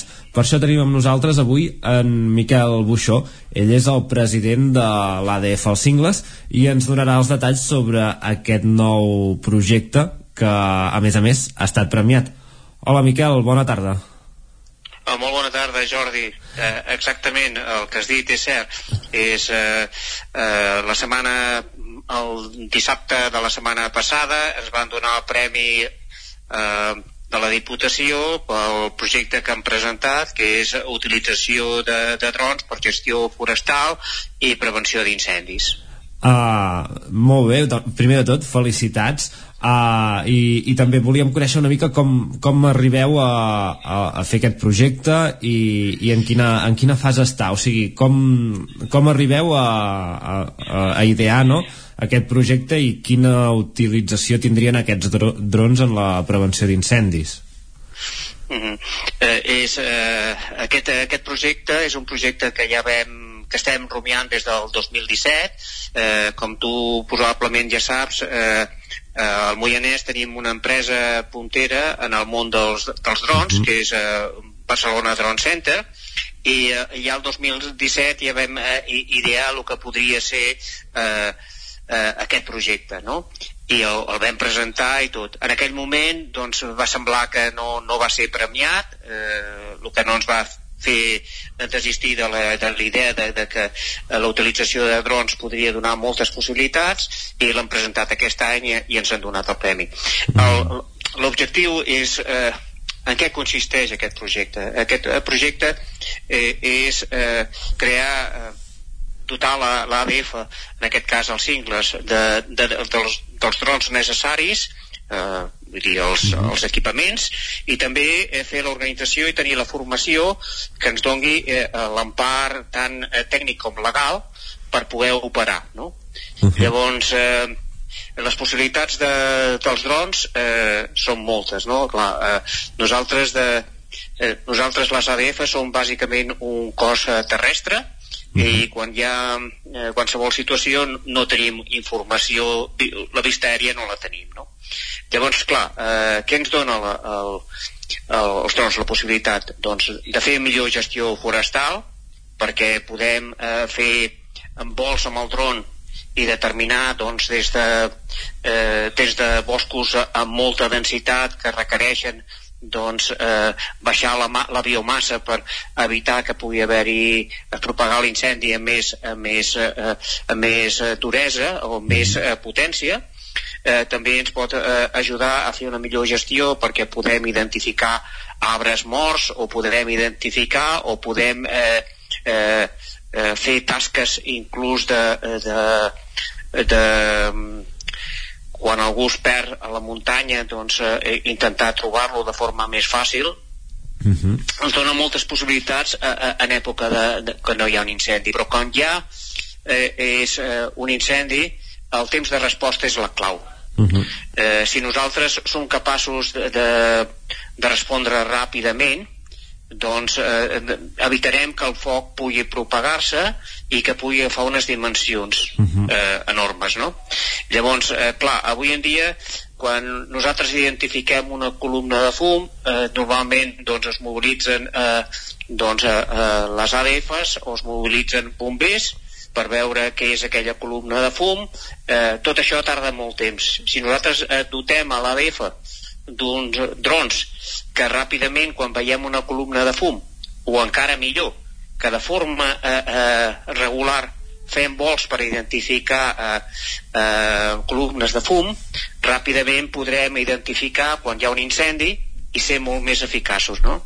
i tot això que, doncs, que a tots ens fa tanta por de, que parlen els bombers de focs de sisena generació si no deixem que el foc eh, creixi perquè l'identifiquem ràpid es, es, podrà, es podrà evitar no? Uh -huh. jo crec que això és clau no? i després quan, eh, quan el foc i l'extinció doncs eh, eh, ja el foc està extingit eh, uh -huh. sempre queden, sempre queden eh, eh, brots on el foc torna a sortir i rebrots i, i, i, i reals que acaben cremant i, i acaben afectant i eh, quan tens un incendi això es va propagant eh, pel territori durant un temps durant, eh, amb aquests vols aèris també podríem detectar zones on està cremant eh, amb càmeres tèrmiques Uh -huh. i també doncs, eh, en fase de, de reincendi podríem eh, determinar zones eh, on tenen unes condicions determinades tot això gràcies al vol dels drons i al tractament de les dades Val, llavors, o sigui, hi hauria una fase que seria de, de gestió forestal, no?, uh, i preventiva d'incendis, uh, prèvia sí. en el cas d'un incendi, després d'agilitzar de, la reacció no? d'identificar possibles incendis uh, de manera Sí, més sí. ràpida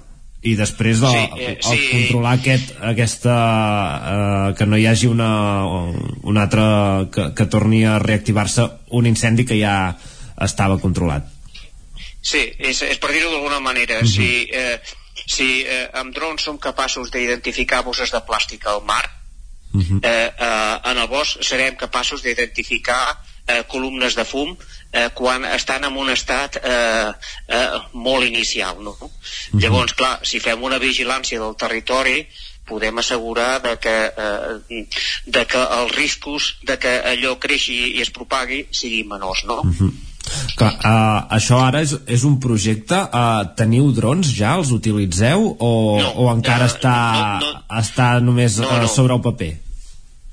No, tot, eh, tot això és un projecte que ara iniciarem i llavors eh, bàsicament eh, aquí és eh, nosaltres el que farem és o el que fem és eh, estem començant ara és a, a crear els, eh, els casos d'ús o, o les utilitzacions del dron que volem fer, és a dir, dir mira, en fase de gestió forestal utilitzarem els drons per fer aquestes activitats. Un cop tinguem definit aquests, definirem eh, quin equipament eh, i quin tipus de drons necessitem. Un cop tinguem això, eh, eh, eh, farem l'organització i ens formarem amb la utilització dels drons i com operar en el futur, no? Aquest és el nostre pla, no? És un Val. pla eh, eh, amb un any vista i, i esperem poder ja estar operatius doncs, a l'estiu vinent, si tot va bé. Clar, això entenc que és una prova pilot que farà la- l'ADF als cingles només, no?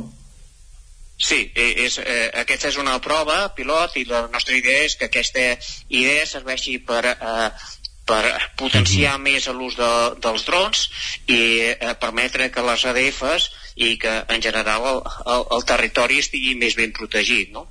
Llavors, eh, creiem que eh, aquesta idea, que és eh, molt embriònica, podria extendre's per altres ADFs, podria extendre's eh, per altres organitzacions i que a la llarga eh, podríem tenir tot el territori cobert amb drons per assegurar que no succeeix o si succeeix u- un incendi eh, que eh, s'identifica el abans possible. No? Uh -huh. Tot això és, eh, és una idea inicial que s'ha de validar.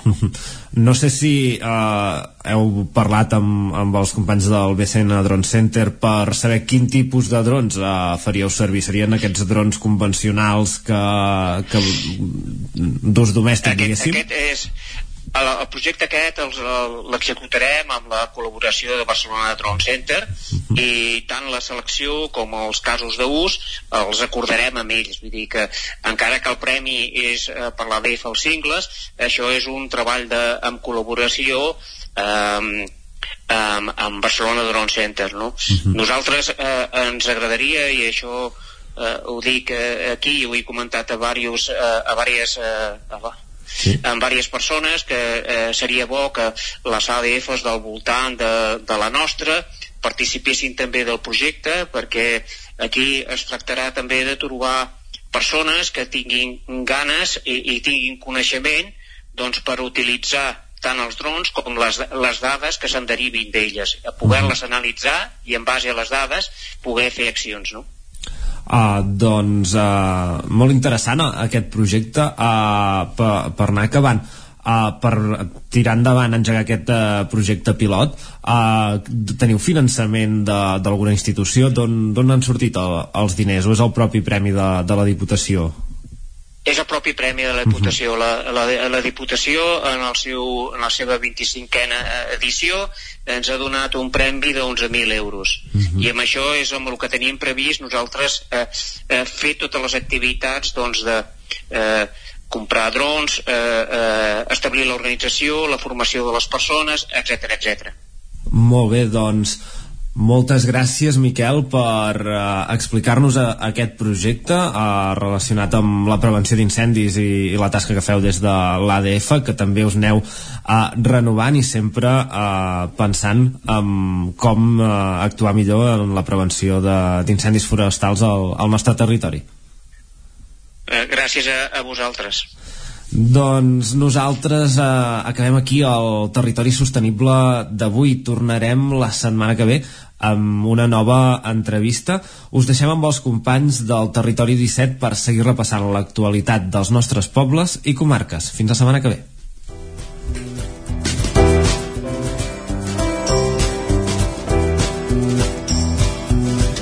Gràcies, Jordi. Doncs avui hem conegut aquesta experiència que, amb la que està treballant l'ADF als cingles d'utilitzar els drons, utilitzar la tecnologia dels drons per treballar en la prevenció d'incendis i ho fan en companyia del BCN Drone Center de Mollà, que és qui desplega la, la tecnologia. Ens ho explicava en aquesta secció el territori sostenible en Jordi Givert, com sentíem en companyia de Miquel Buixó, el president d'aquesta entitat, l'ADF als cingles del Moianès. Tot seguit, al Territori 17 encarem la recta final. Farem ara tot seguit una petita pausa per la publicitat, però de seguida tornarem amb la resta de continguts que tenim preparats per aquest divendres 1 de desembre de 2021. Passarem per l'R3, com cada dia, amb l'Isaac Muntades. Ens farà una pinzellada de l'estat de la línia i centrarem la crònica d'algun dels usuaris que cada dia pateix les conseqüències de viatjar en tren per la, aquesta nostra línia fèrria. I acabarem, com cada dimecres, fent un repàs a l'agenda d'actes culturals pels propers dies uns propers dies que venen marcats per aquest pont, per aquest aquaducte del 6 i el 8 de desembre i que aglutina diverses fires, com poden ser, com dèiem, Espinelves o el Mercat Medieval o la Fira de Caldes, però que en canvi potser va més mancat d'activitat cultural. Ho sabrem tot seguit. El Territori 17 serà, com dèiem, després d'aquesta petita pausa que fem tot seguit i tornem de seguida, com dèiem, amb, aquesta, amb la resta de continguts que tenim fins a arribar al punt de les 12, hora en què acabarem el programa d'avui.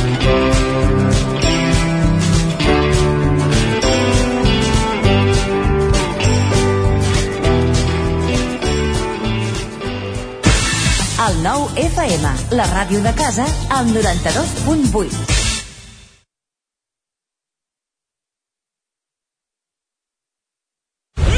El racó de León. Gaudeix de la nostra terrassa. Vine a tastar les xuletilles de lechal a la brasa amb una bona amanida o el xuletón de vedella gallega. No et pots perdre el nostre lechado de Castilla al forn o el cochinillo a l'estil de Segovia. Tot acompanyat del millor celler, al menjador o fora la terrassa. Descobreix la millor cuina de Lleó sense moure't de casa. Vine amb la família, els amics, la parella o sol. T'encantarà. El racó de León, cuina tradicional lleonesa i de mercat. Som al carrer Torelló número 35 de Vic. Per reserves, telèfon 93 889 1950. El racó de León, una cuina diferent. Som especialistes en cargols a la llauna. Vine a tastar-los al racó de León. Cefosol, centre de formació de soldadura GURB. Som especialistes en processos de soldadura. Disposem d'instal·lacions totalment equipades per a classes de teòrica i pràctica amb cabines individuals i equipaments de seguretat. Assessorem empreses i oferim cursos subvencionats i bonificats. Vine i t'informarem. Cefosol, som al carrer Sant Roc número 21 de GURB. Telèfon 664 206 192. També ens trobaràs a cefosol.com i a YouTube. Saps què és el confort intel·ligent? És tenir un terra radiant Giacomini a casa. Benestar que no es veu, però es nota tot l'any. I que pots controlar a distància des del teu mòbil, estalviant energia i diners. Suma't al confort intel·ligent amb Giacomini. Informa't a giacomini.es o truca al 93 884 1001 i t'ajudarem a tenir un terra radiant a casa o a l'oficina. Giacomini, la climatització que et mereixes. A Corretja tenim tot el que necessites per la teva llar. Tot tipus de paviments i revestiments, sistemes d'aïllament, cobertes, parquets, aixetes, ferreteria, pintures, fixació i cargoleria, vestuari i material de seguretat. Disposem de més de 3.500 metres quadrats d'exposició amb una nova zona exterior d'aïllaments. A Corretja som especialistes en cuines i banys. Us assessorem, dissenyem i realitzem el projecte des de l'inici fins a la fi del muntatge. 100% cuines, 100% banys. Al carrer Mas Vigues 8 de Vic, a corretja-sl.com o a Instagram. 100% materials per la construcció i la decoració. 100% corretja. Can Xalan obrim un any més el nostre estudi per les vostres sessions de fotos de Nadal. Crea les teves postals amb el fons que més t'agradi per 19 euros l'hora. I si vols fer-te fotos amb el nostre fotògraf, només 69 euros l'hora amb 10 fotos editades. Can Xalan, carrer Sant Tomàs 4 de Call d'Atenes. Contacta'ns al 616 04 02 96. Can Xalan us desitja bones festes. Dos quarts de dotze al territori 17. Territori 17. A Tren d'Alba. Cada dia els usuaris de la línia R3 de Rodalies que veuen sortir el sol des d'un vagó ens expliquen les gràcies i les penes del primer comboi que uneix Ripoll i Barcelona.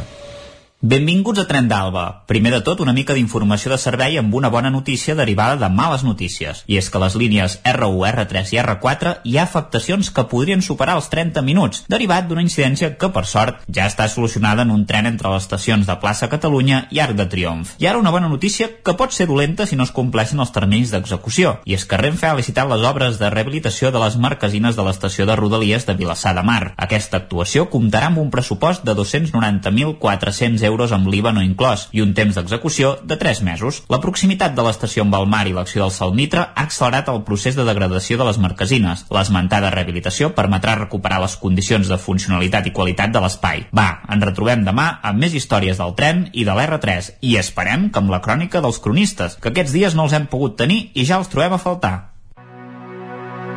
Territori 17. El 9 FM, la veu de Sant Joan, Ona Codinenca, Ràdio Cardedeu. Territori 17.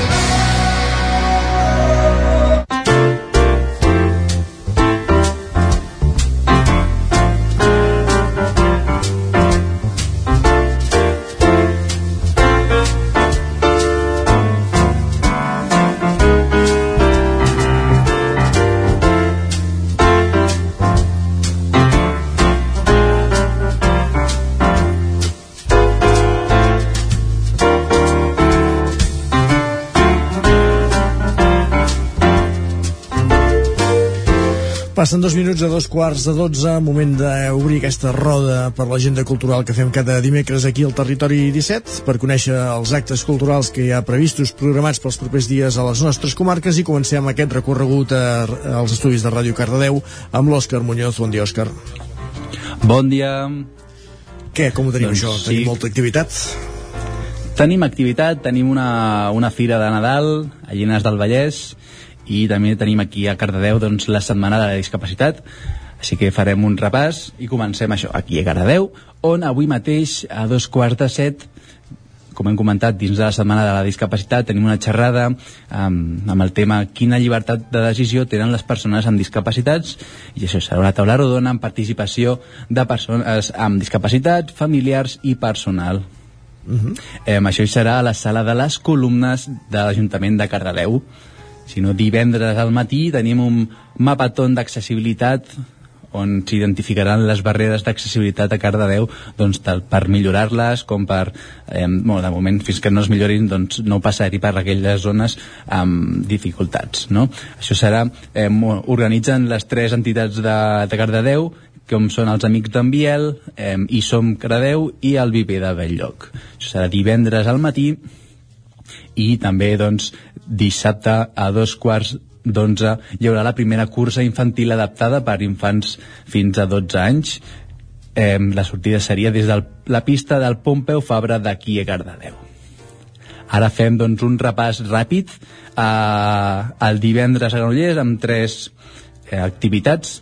Primer doncs, dins del 49è cicle de jazz del casino doncs, tenim en Bayer, en Fages i en Roca. Eh, dins bueno, el casino Club de Ritme de Granollers on allà mateix es poden comprar les entrades des de 8 euros si no al Teatre Auditori de Granollers tenim La maledicció, una alegoria sobre el poder de la paraula, un espectacle doncs, que el podrem anar a veure a partir de les 8 del vespre, com hem comentat, al Teatre Auditori de Granollers.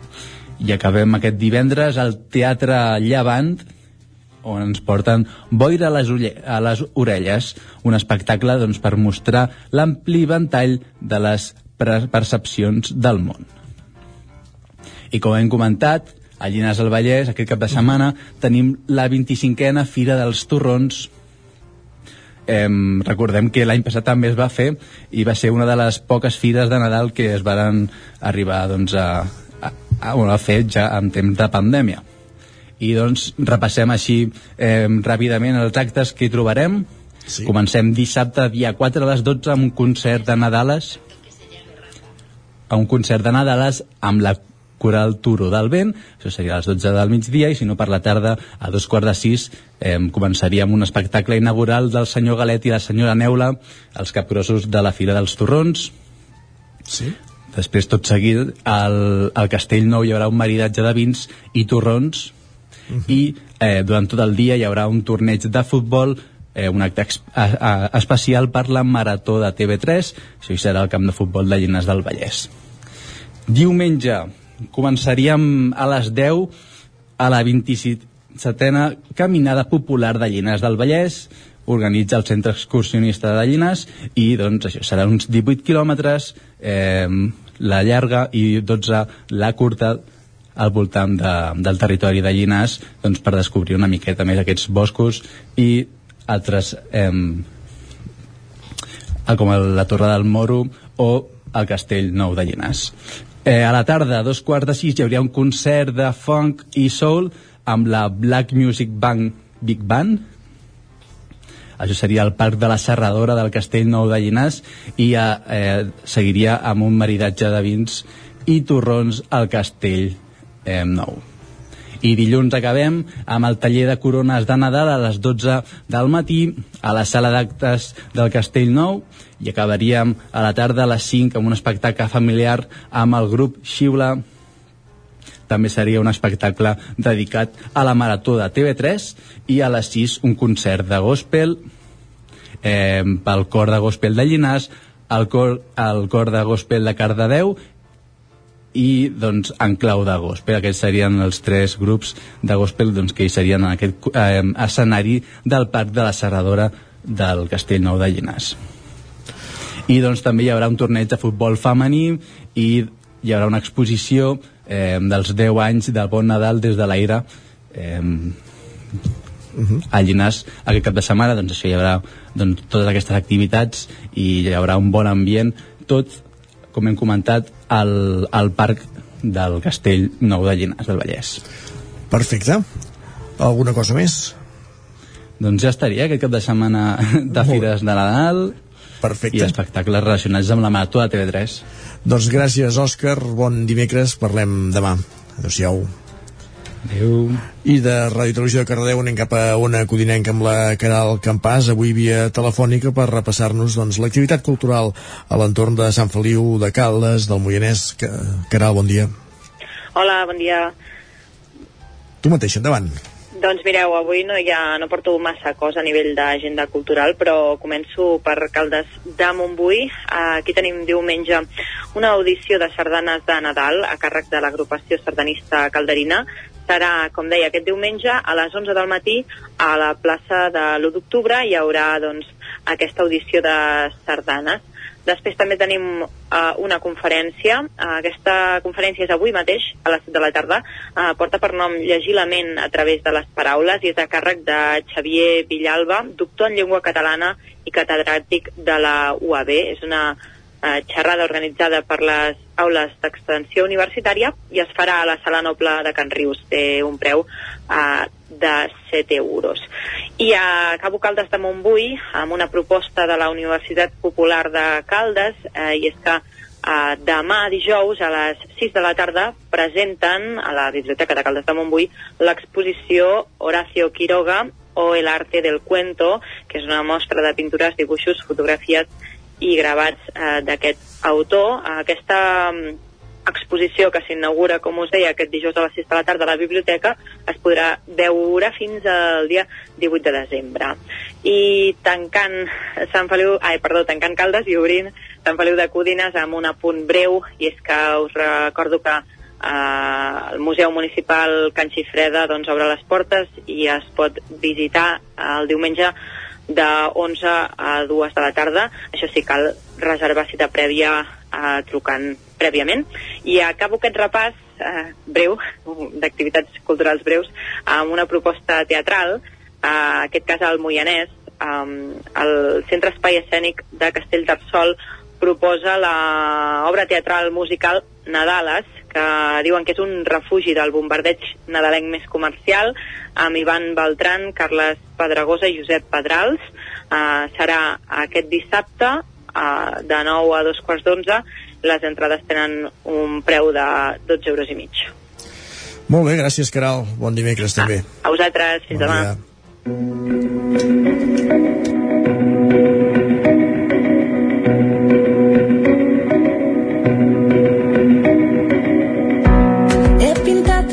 L'horitzó per sanar les penes.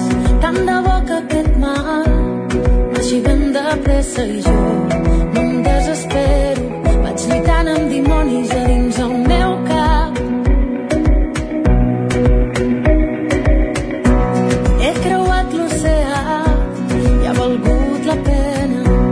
Més enllà del teu cor no hi veig cap frontera i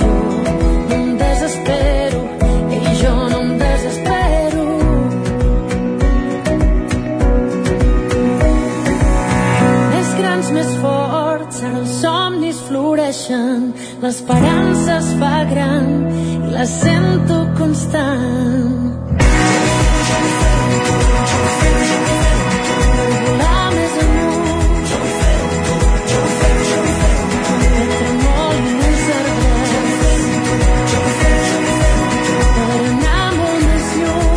Isaac Montades, bon dia. Bon dia, Isaac, què tal? Bé, no, és que jo tenia aquí el guió que diu ara connectes amb l'Isaac Montades i m'apareix aquesta cançó de la Bet. I no sabia d'on baixava ara. Sí, sí, no, no, és que és l'activitat més, més destacada que tenim aquí al cap de setmana, la Bet, tindrem la Bet aquí a, a Sant Joan de, de les Abadeses, ja fa unes setmanes, de fet, uh, si us recordeu, va estar a la Fira de la Galeta de, de Camprodon, vull dir que últimament s'ha prodigat va- bastant... I també va ser l'Atlàntic Sí. de Vic. Sí, sí. Exacte, s'ha prodigat bastant doncs, per les nostres comarques del territori 17 i en aquest cas hi serà en un nou concert en el marc del cicle de tardor del Set Teatre Centre de- d'aquí Sant Joan això serà aquest dissabte, dos quarts de nou del vespre al Teatre Centre i tindrem la Bet acompanyada de, del seu trio que presentarà eh, el seu nou disc eh, Origen, que ara podri, podríem escoltar-ne doncs, eh, una, una de les cançons. Eh, les entrades anticipades doncs, ja es poden adquirir per, per 22 euros i a la taquilla per 24 i és sens dubte una bona oportunitat per veure eh, la cantant sorgida en el seu dia d'Operació Triunfo i que després, recordem-ho, va participar i, i va representar Espanya a Eurovisió, si no recordo malament, l'any 2003 amb, amb la cançó Dime, em sembla que va quedar amb, amb, s- dels 10 primers a la setena posició o una cosa així, per tant realment també va fer un bon paper. I, i s'ha fet una carrera en solitari força destacada i cantant molts dels seus temes en català com aquest eh, mateix.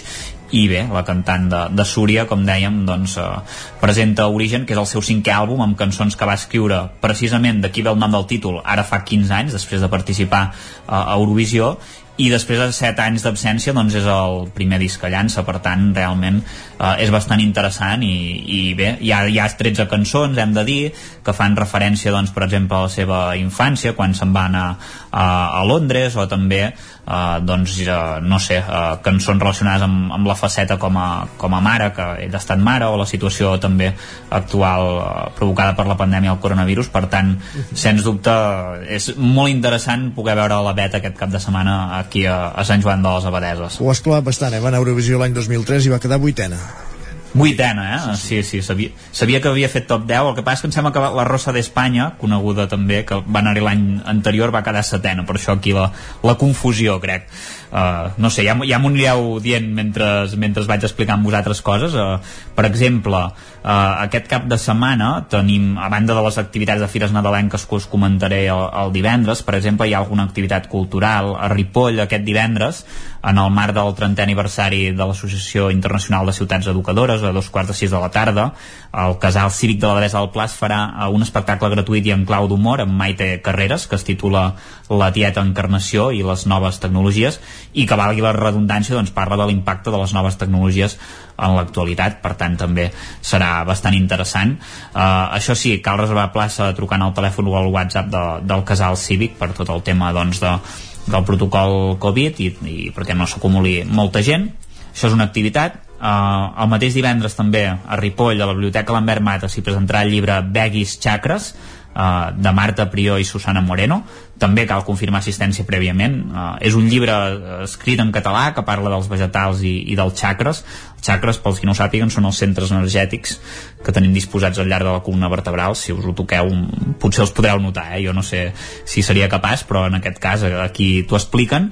I el llibre doncs és força divertit, didàctic i també hi ha moltes il·lustracions i, i també parla sobre ioga per tant suposo que també s'hi podran veure doncs, alguna de, de les postures d'aquest esport uh, per, per, bueno, doncs, per poder practicar-lo Uh, llavors, uh, ja per acabar una mica, tenim una cosa que està bastant d'actualitat, per desgràcia. Sabem doncs, que aquesta setmana doncs, uh, va morir doncs, un excursionista de Camprodoní, en Xavier Collboni, uh, a Vallter 2000, no? que el va enganxar doncs, al Torp, Uh, i aquest divendres 3 de desembre precisament a dos quarts de, de 10 del vespre al cinema Contal de, de Ripoll al circuit urgellenc doncs s'hi passarà uh, una pel·lícula documental de Guille Cascante que segur que coneixeu perquè ha sortit darrerament també es va estrenar a Televisió de Catalunya Balandrau l'infern glaçat i, i bé, doncs eh, és una projecció especial perquè també hi ha el col·loqui amb el director i ens parla doncs d'aquesta tragèdia. De fet, la tragèdia més gran de muntanya viscuda al Pirineu eh, català sí, perquè van morir-hi doncs, si no recordo malament 10 eh, eh, persones. Això estem parlant de, del cap d'any eh, o el dia, no, el dia 30 de desembre del 2000 per tant això fa aproximadament bueno, 21 anys. I, i bé, només va haver-hi un supervivent en Josep Maria Vilà que, que va ser l'únic que va sobreviure. Ell anava, recordem-ho, amb la seva xicota i tres amics eh, més i en un dia que era esplèndid, vull dir no, no s'esperava que, que girés, es va girar el torb i els va enganxar i, i, i van morir tots menys ell i a més a més també va enganxar doncs, a, a diverses persones que anaven per la, per la seva banda uh, dues parelles de, diferents i, i bé, altres persones que, que això, que, que es van veure atrapades per al torp amb unes sensacions tèrmiques que precisament per això ho comentàvem que està bastant d'actualitat eh, que queien fins als 30 graus sota zero de sensació tèrmica vull dir que realment un documental interessant per veure i que si no l'heu vist és molt, molt recomanable Setena, eh? La, la Rosa d'Espanya, ho has dit bé, eh? Sí, això ho he clavat, eh? Molt bé. Gràcies, Isaac, bon dimecres i parlem demà. A vosaltres. Adéu. Adéu.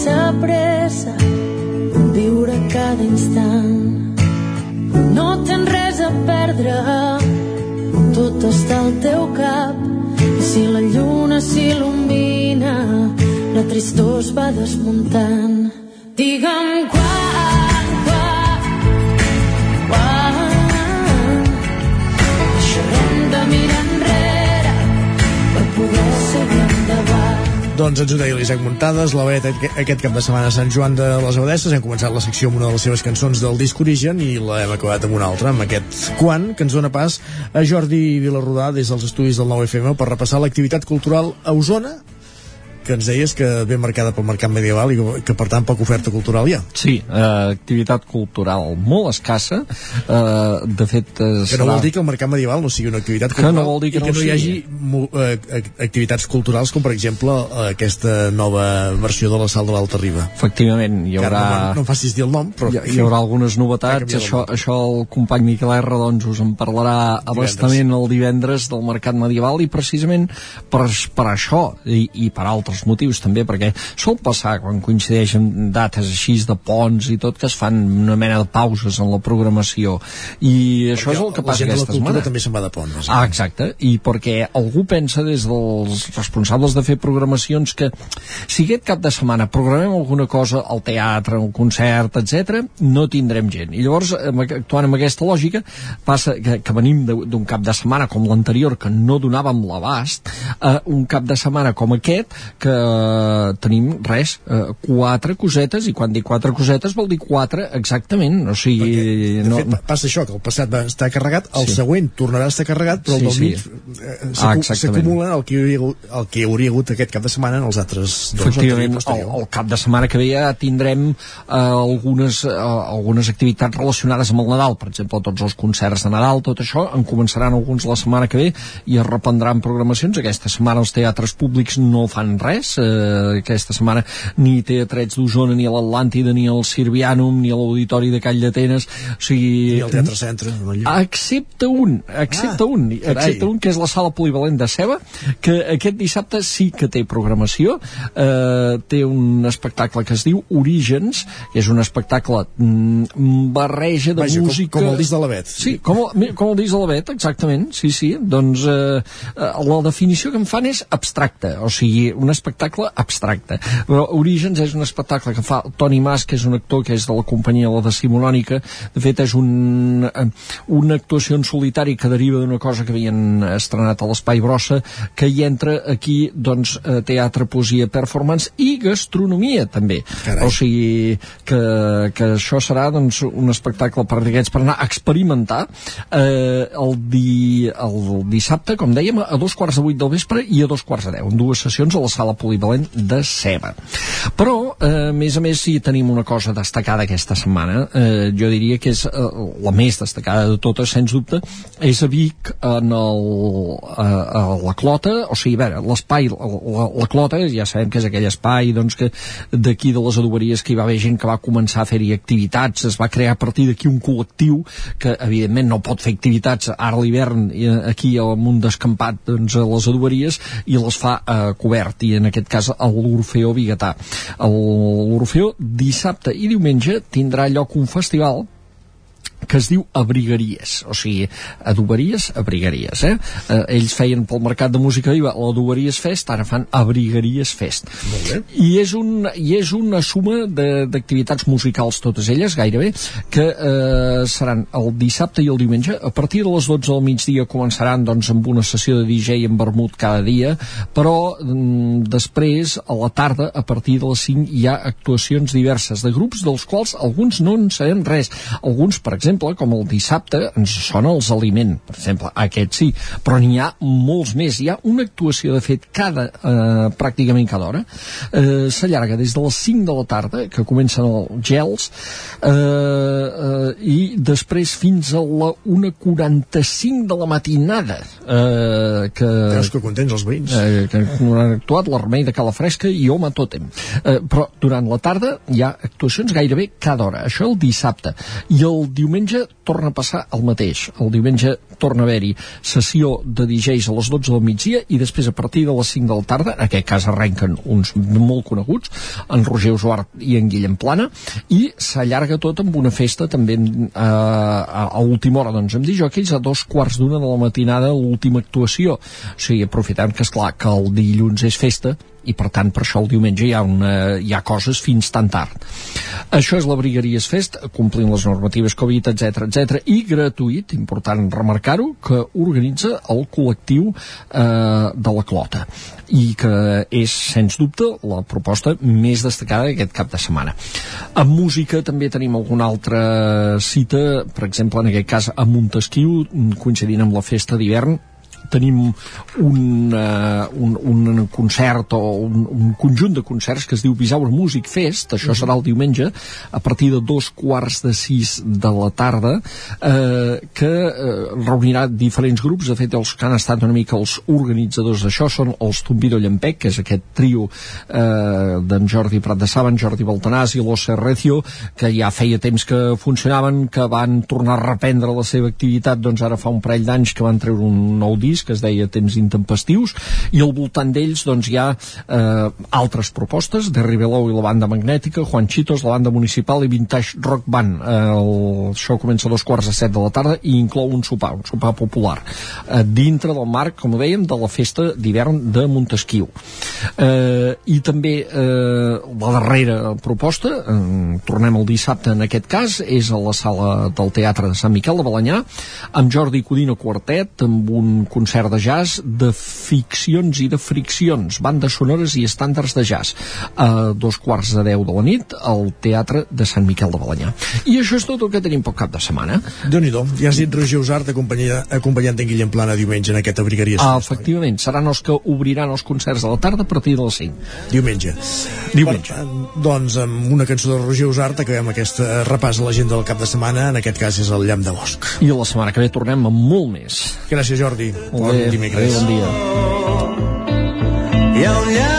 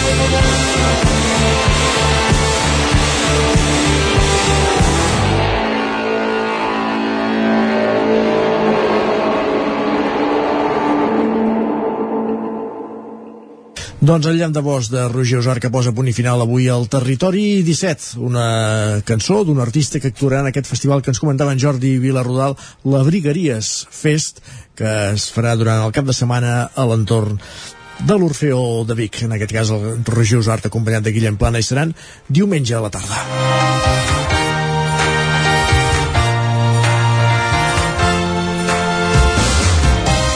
I així, com us dèiem, amb el repàs de l'agenda cultural dels actes del territori 17 pels propers dies arribem a la fi del programa d'avui, dimecres 1 de desembre de 2021, com dèiem a l'inici, Dia Internacional de la Lluita contra la Sida. Us hem acompanyat fent possible el programa avui des de les 9 del matí, Pepa Costa, Guillem Sánchez, Guillem Freixa, Isaac Muntades, Núria Lázaro, Caral Campàs, Jordi Givert, Òscar Muñoz, Jordi Vilarrodam, Jordi Sunyer i qui us parla, Isaac Moreno. I tornarem demà a la mateixa hora, a partir de les 9. Serem aquí. Bon dia.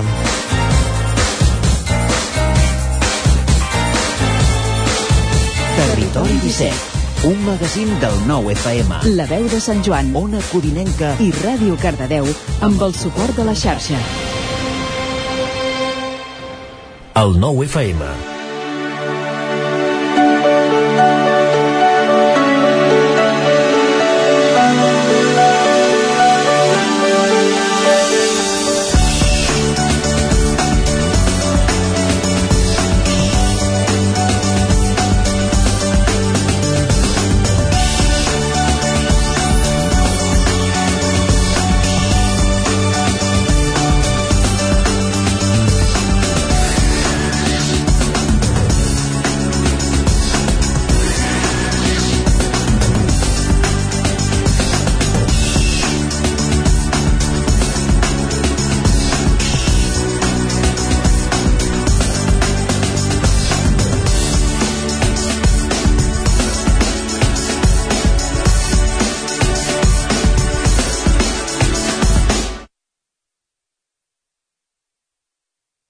El nou FM.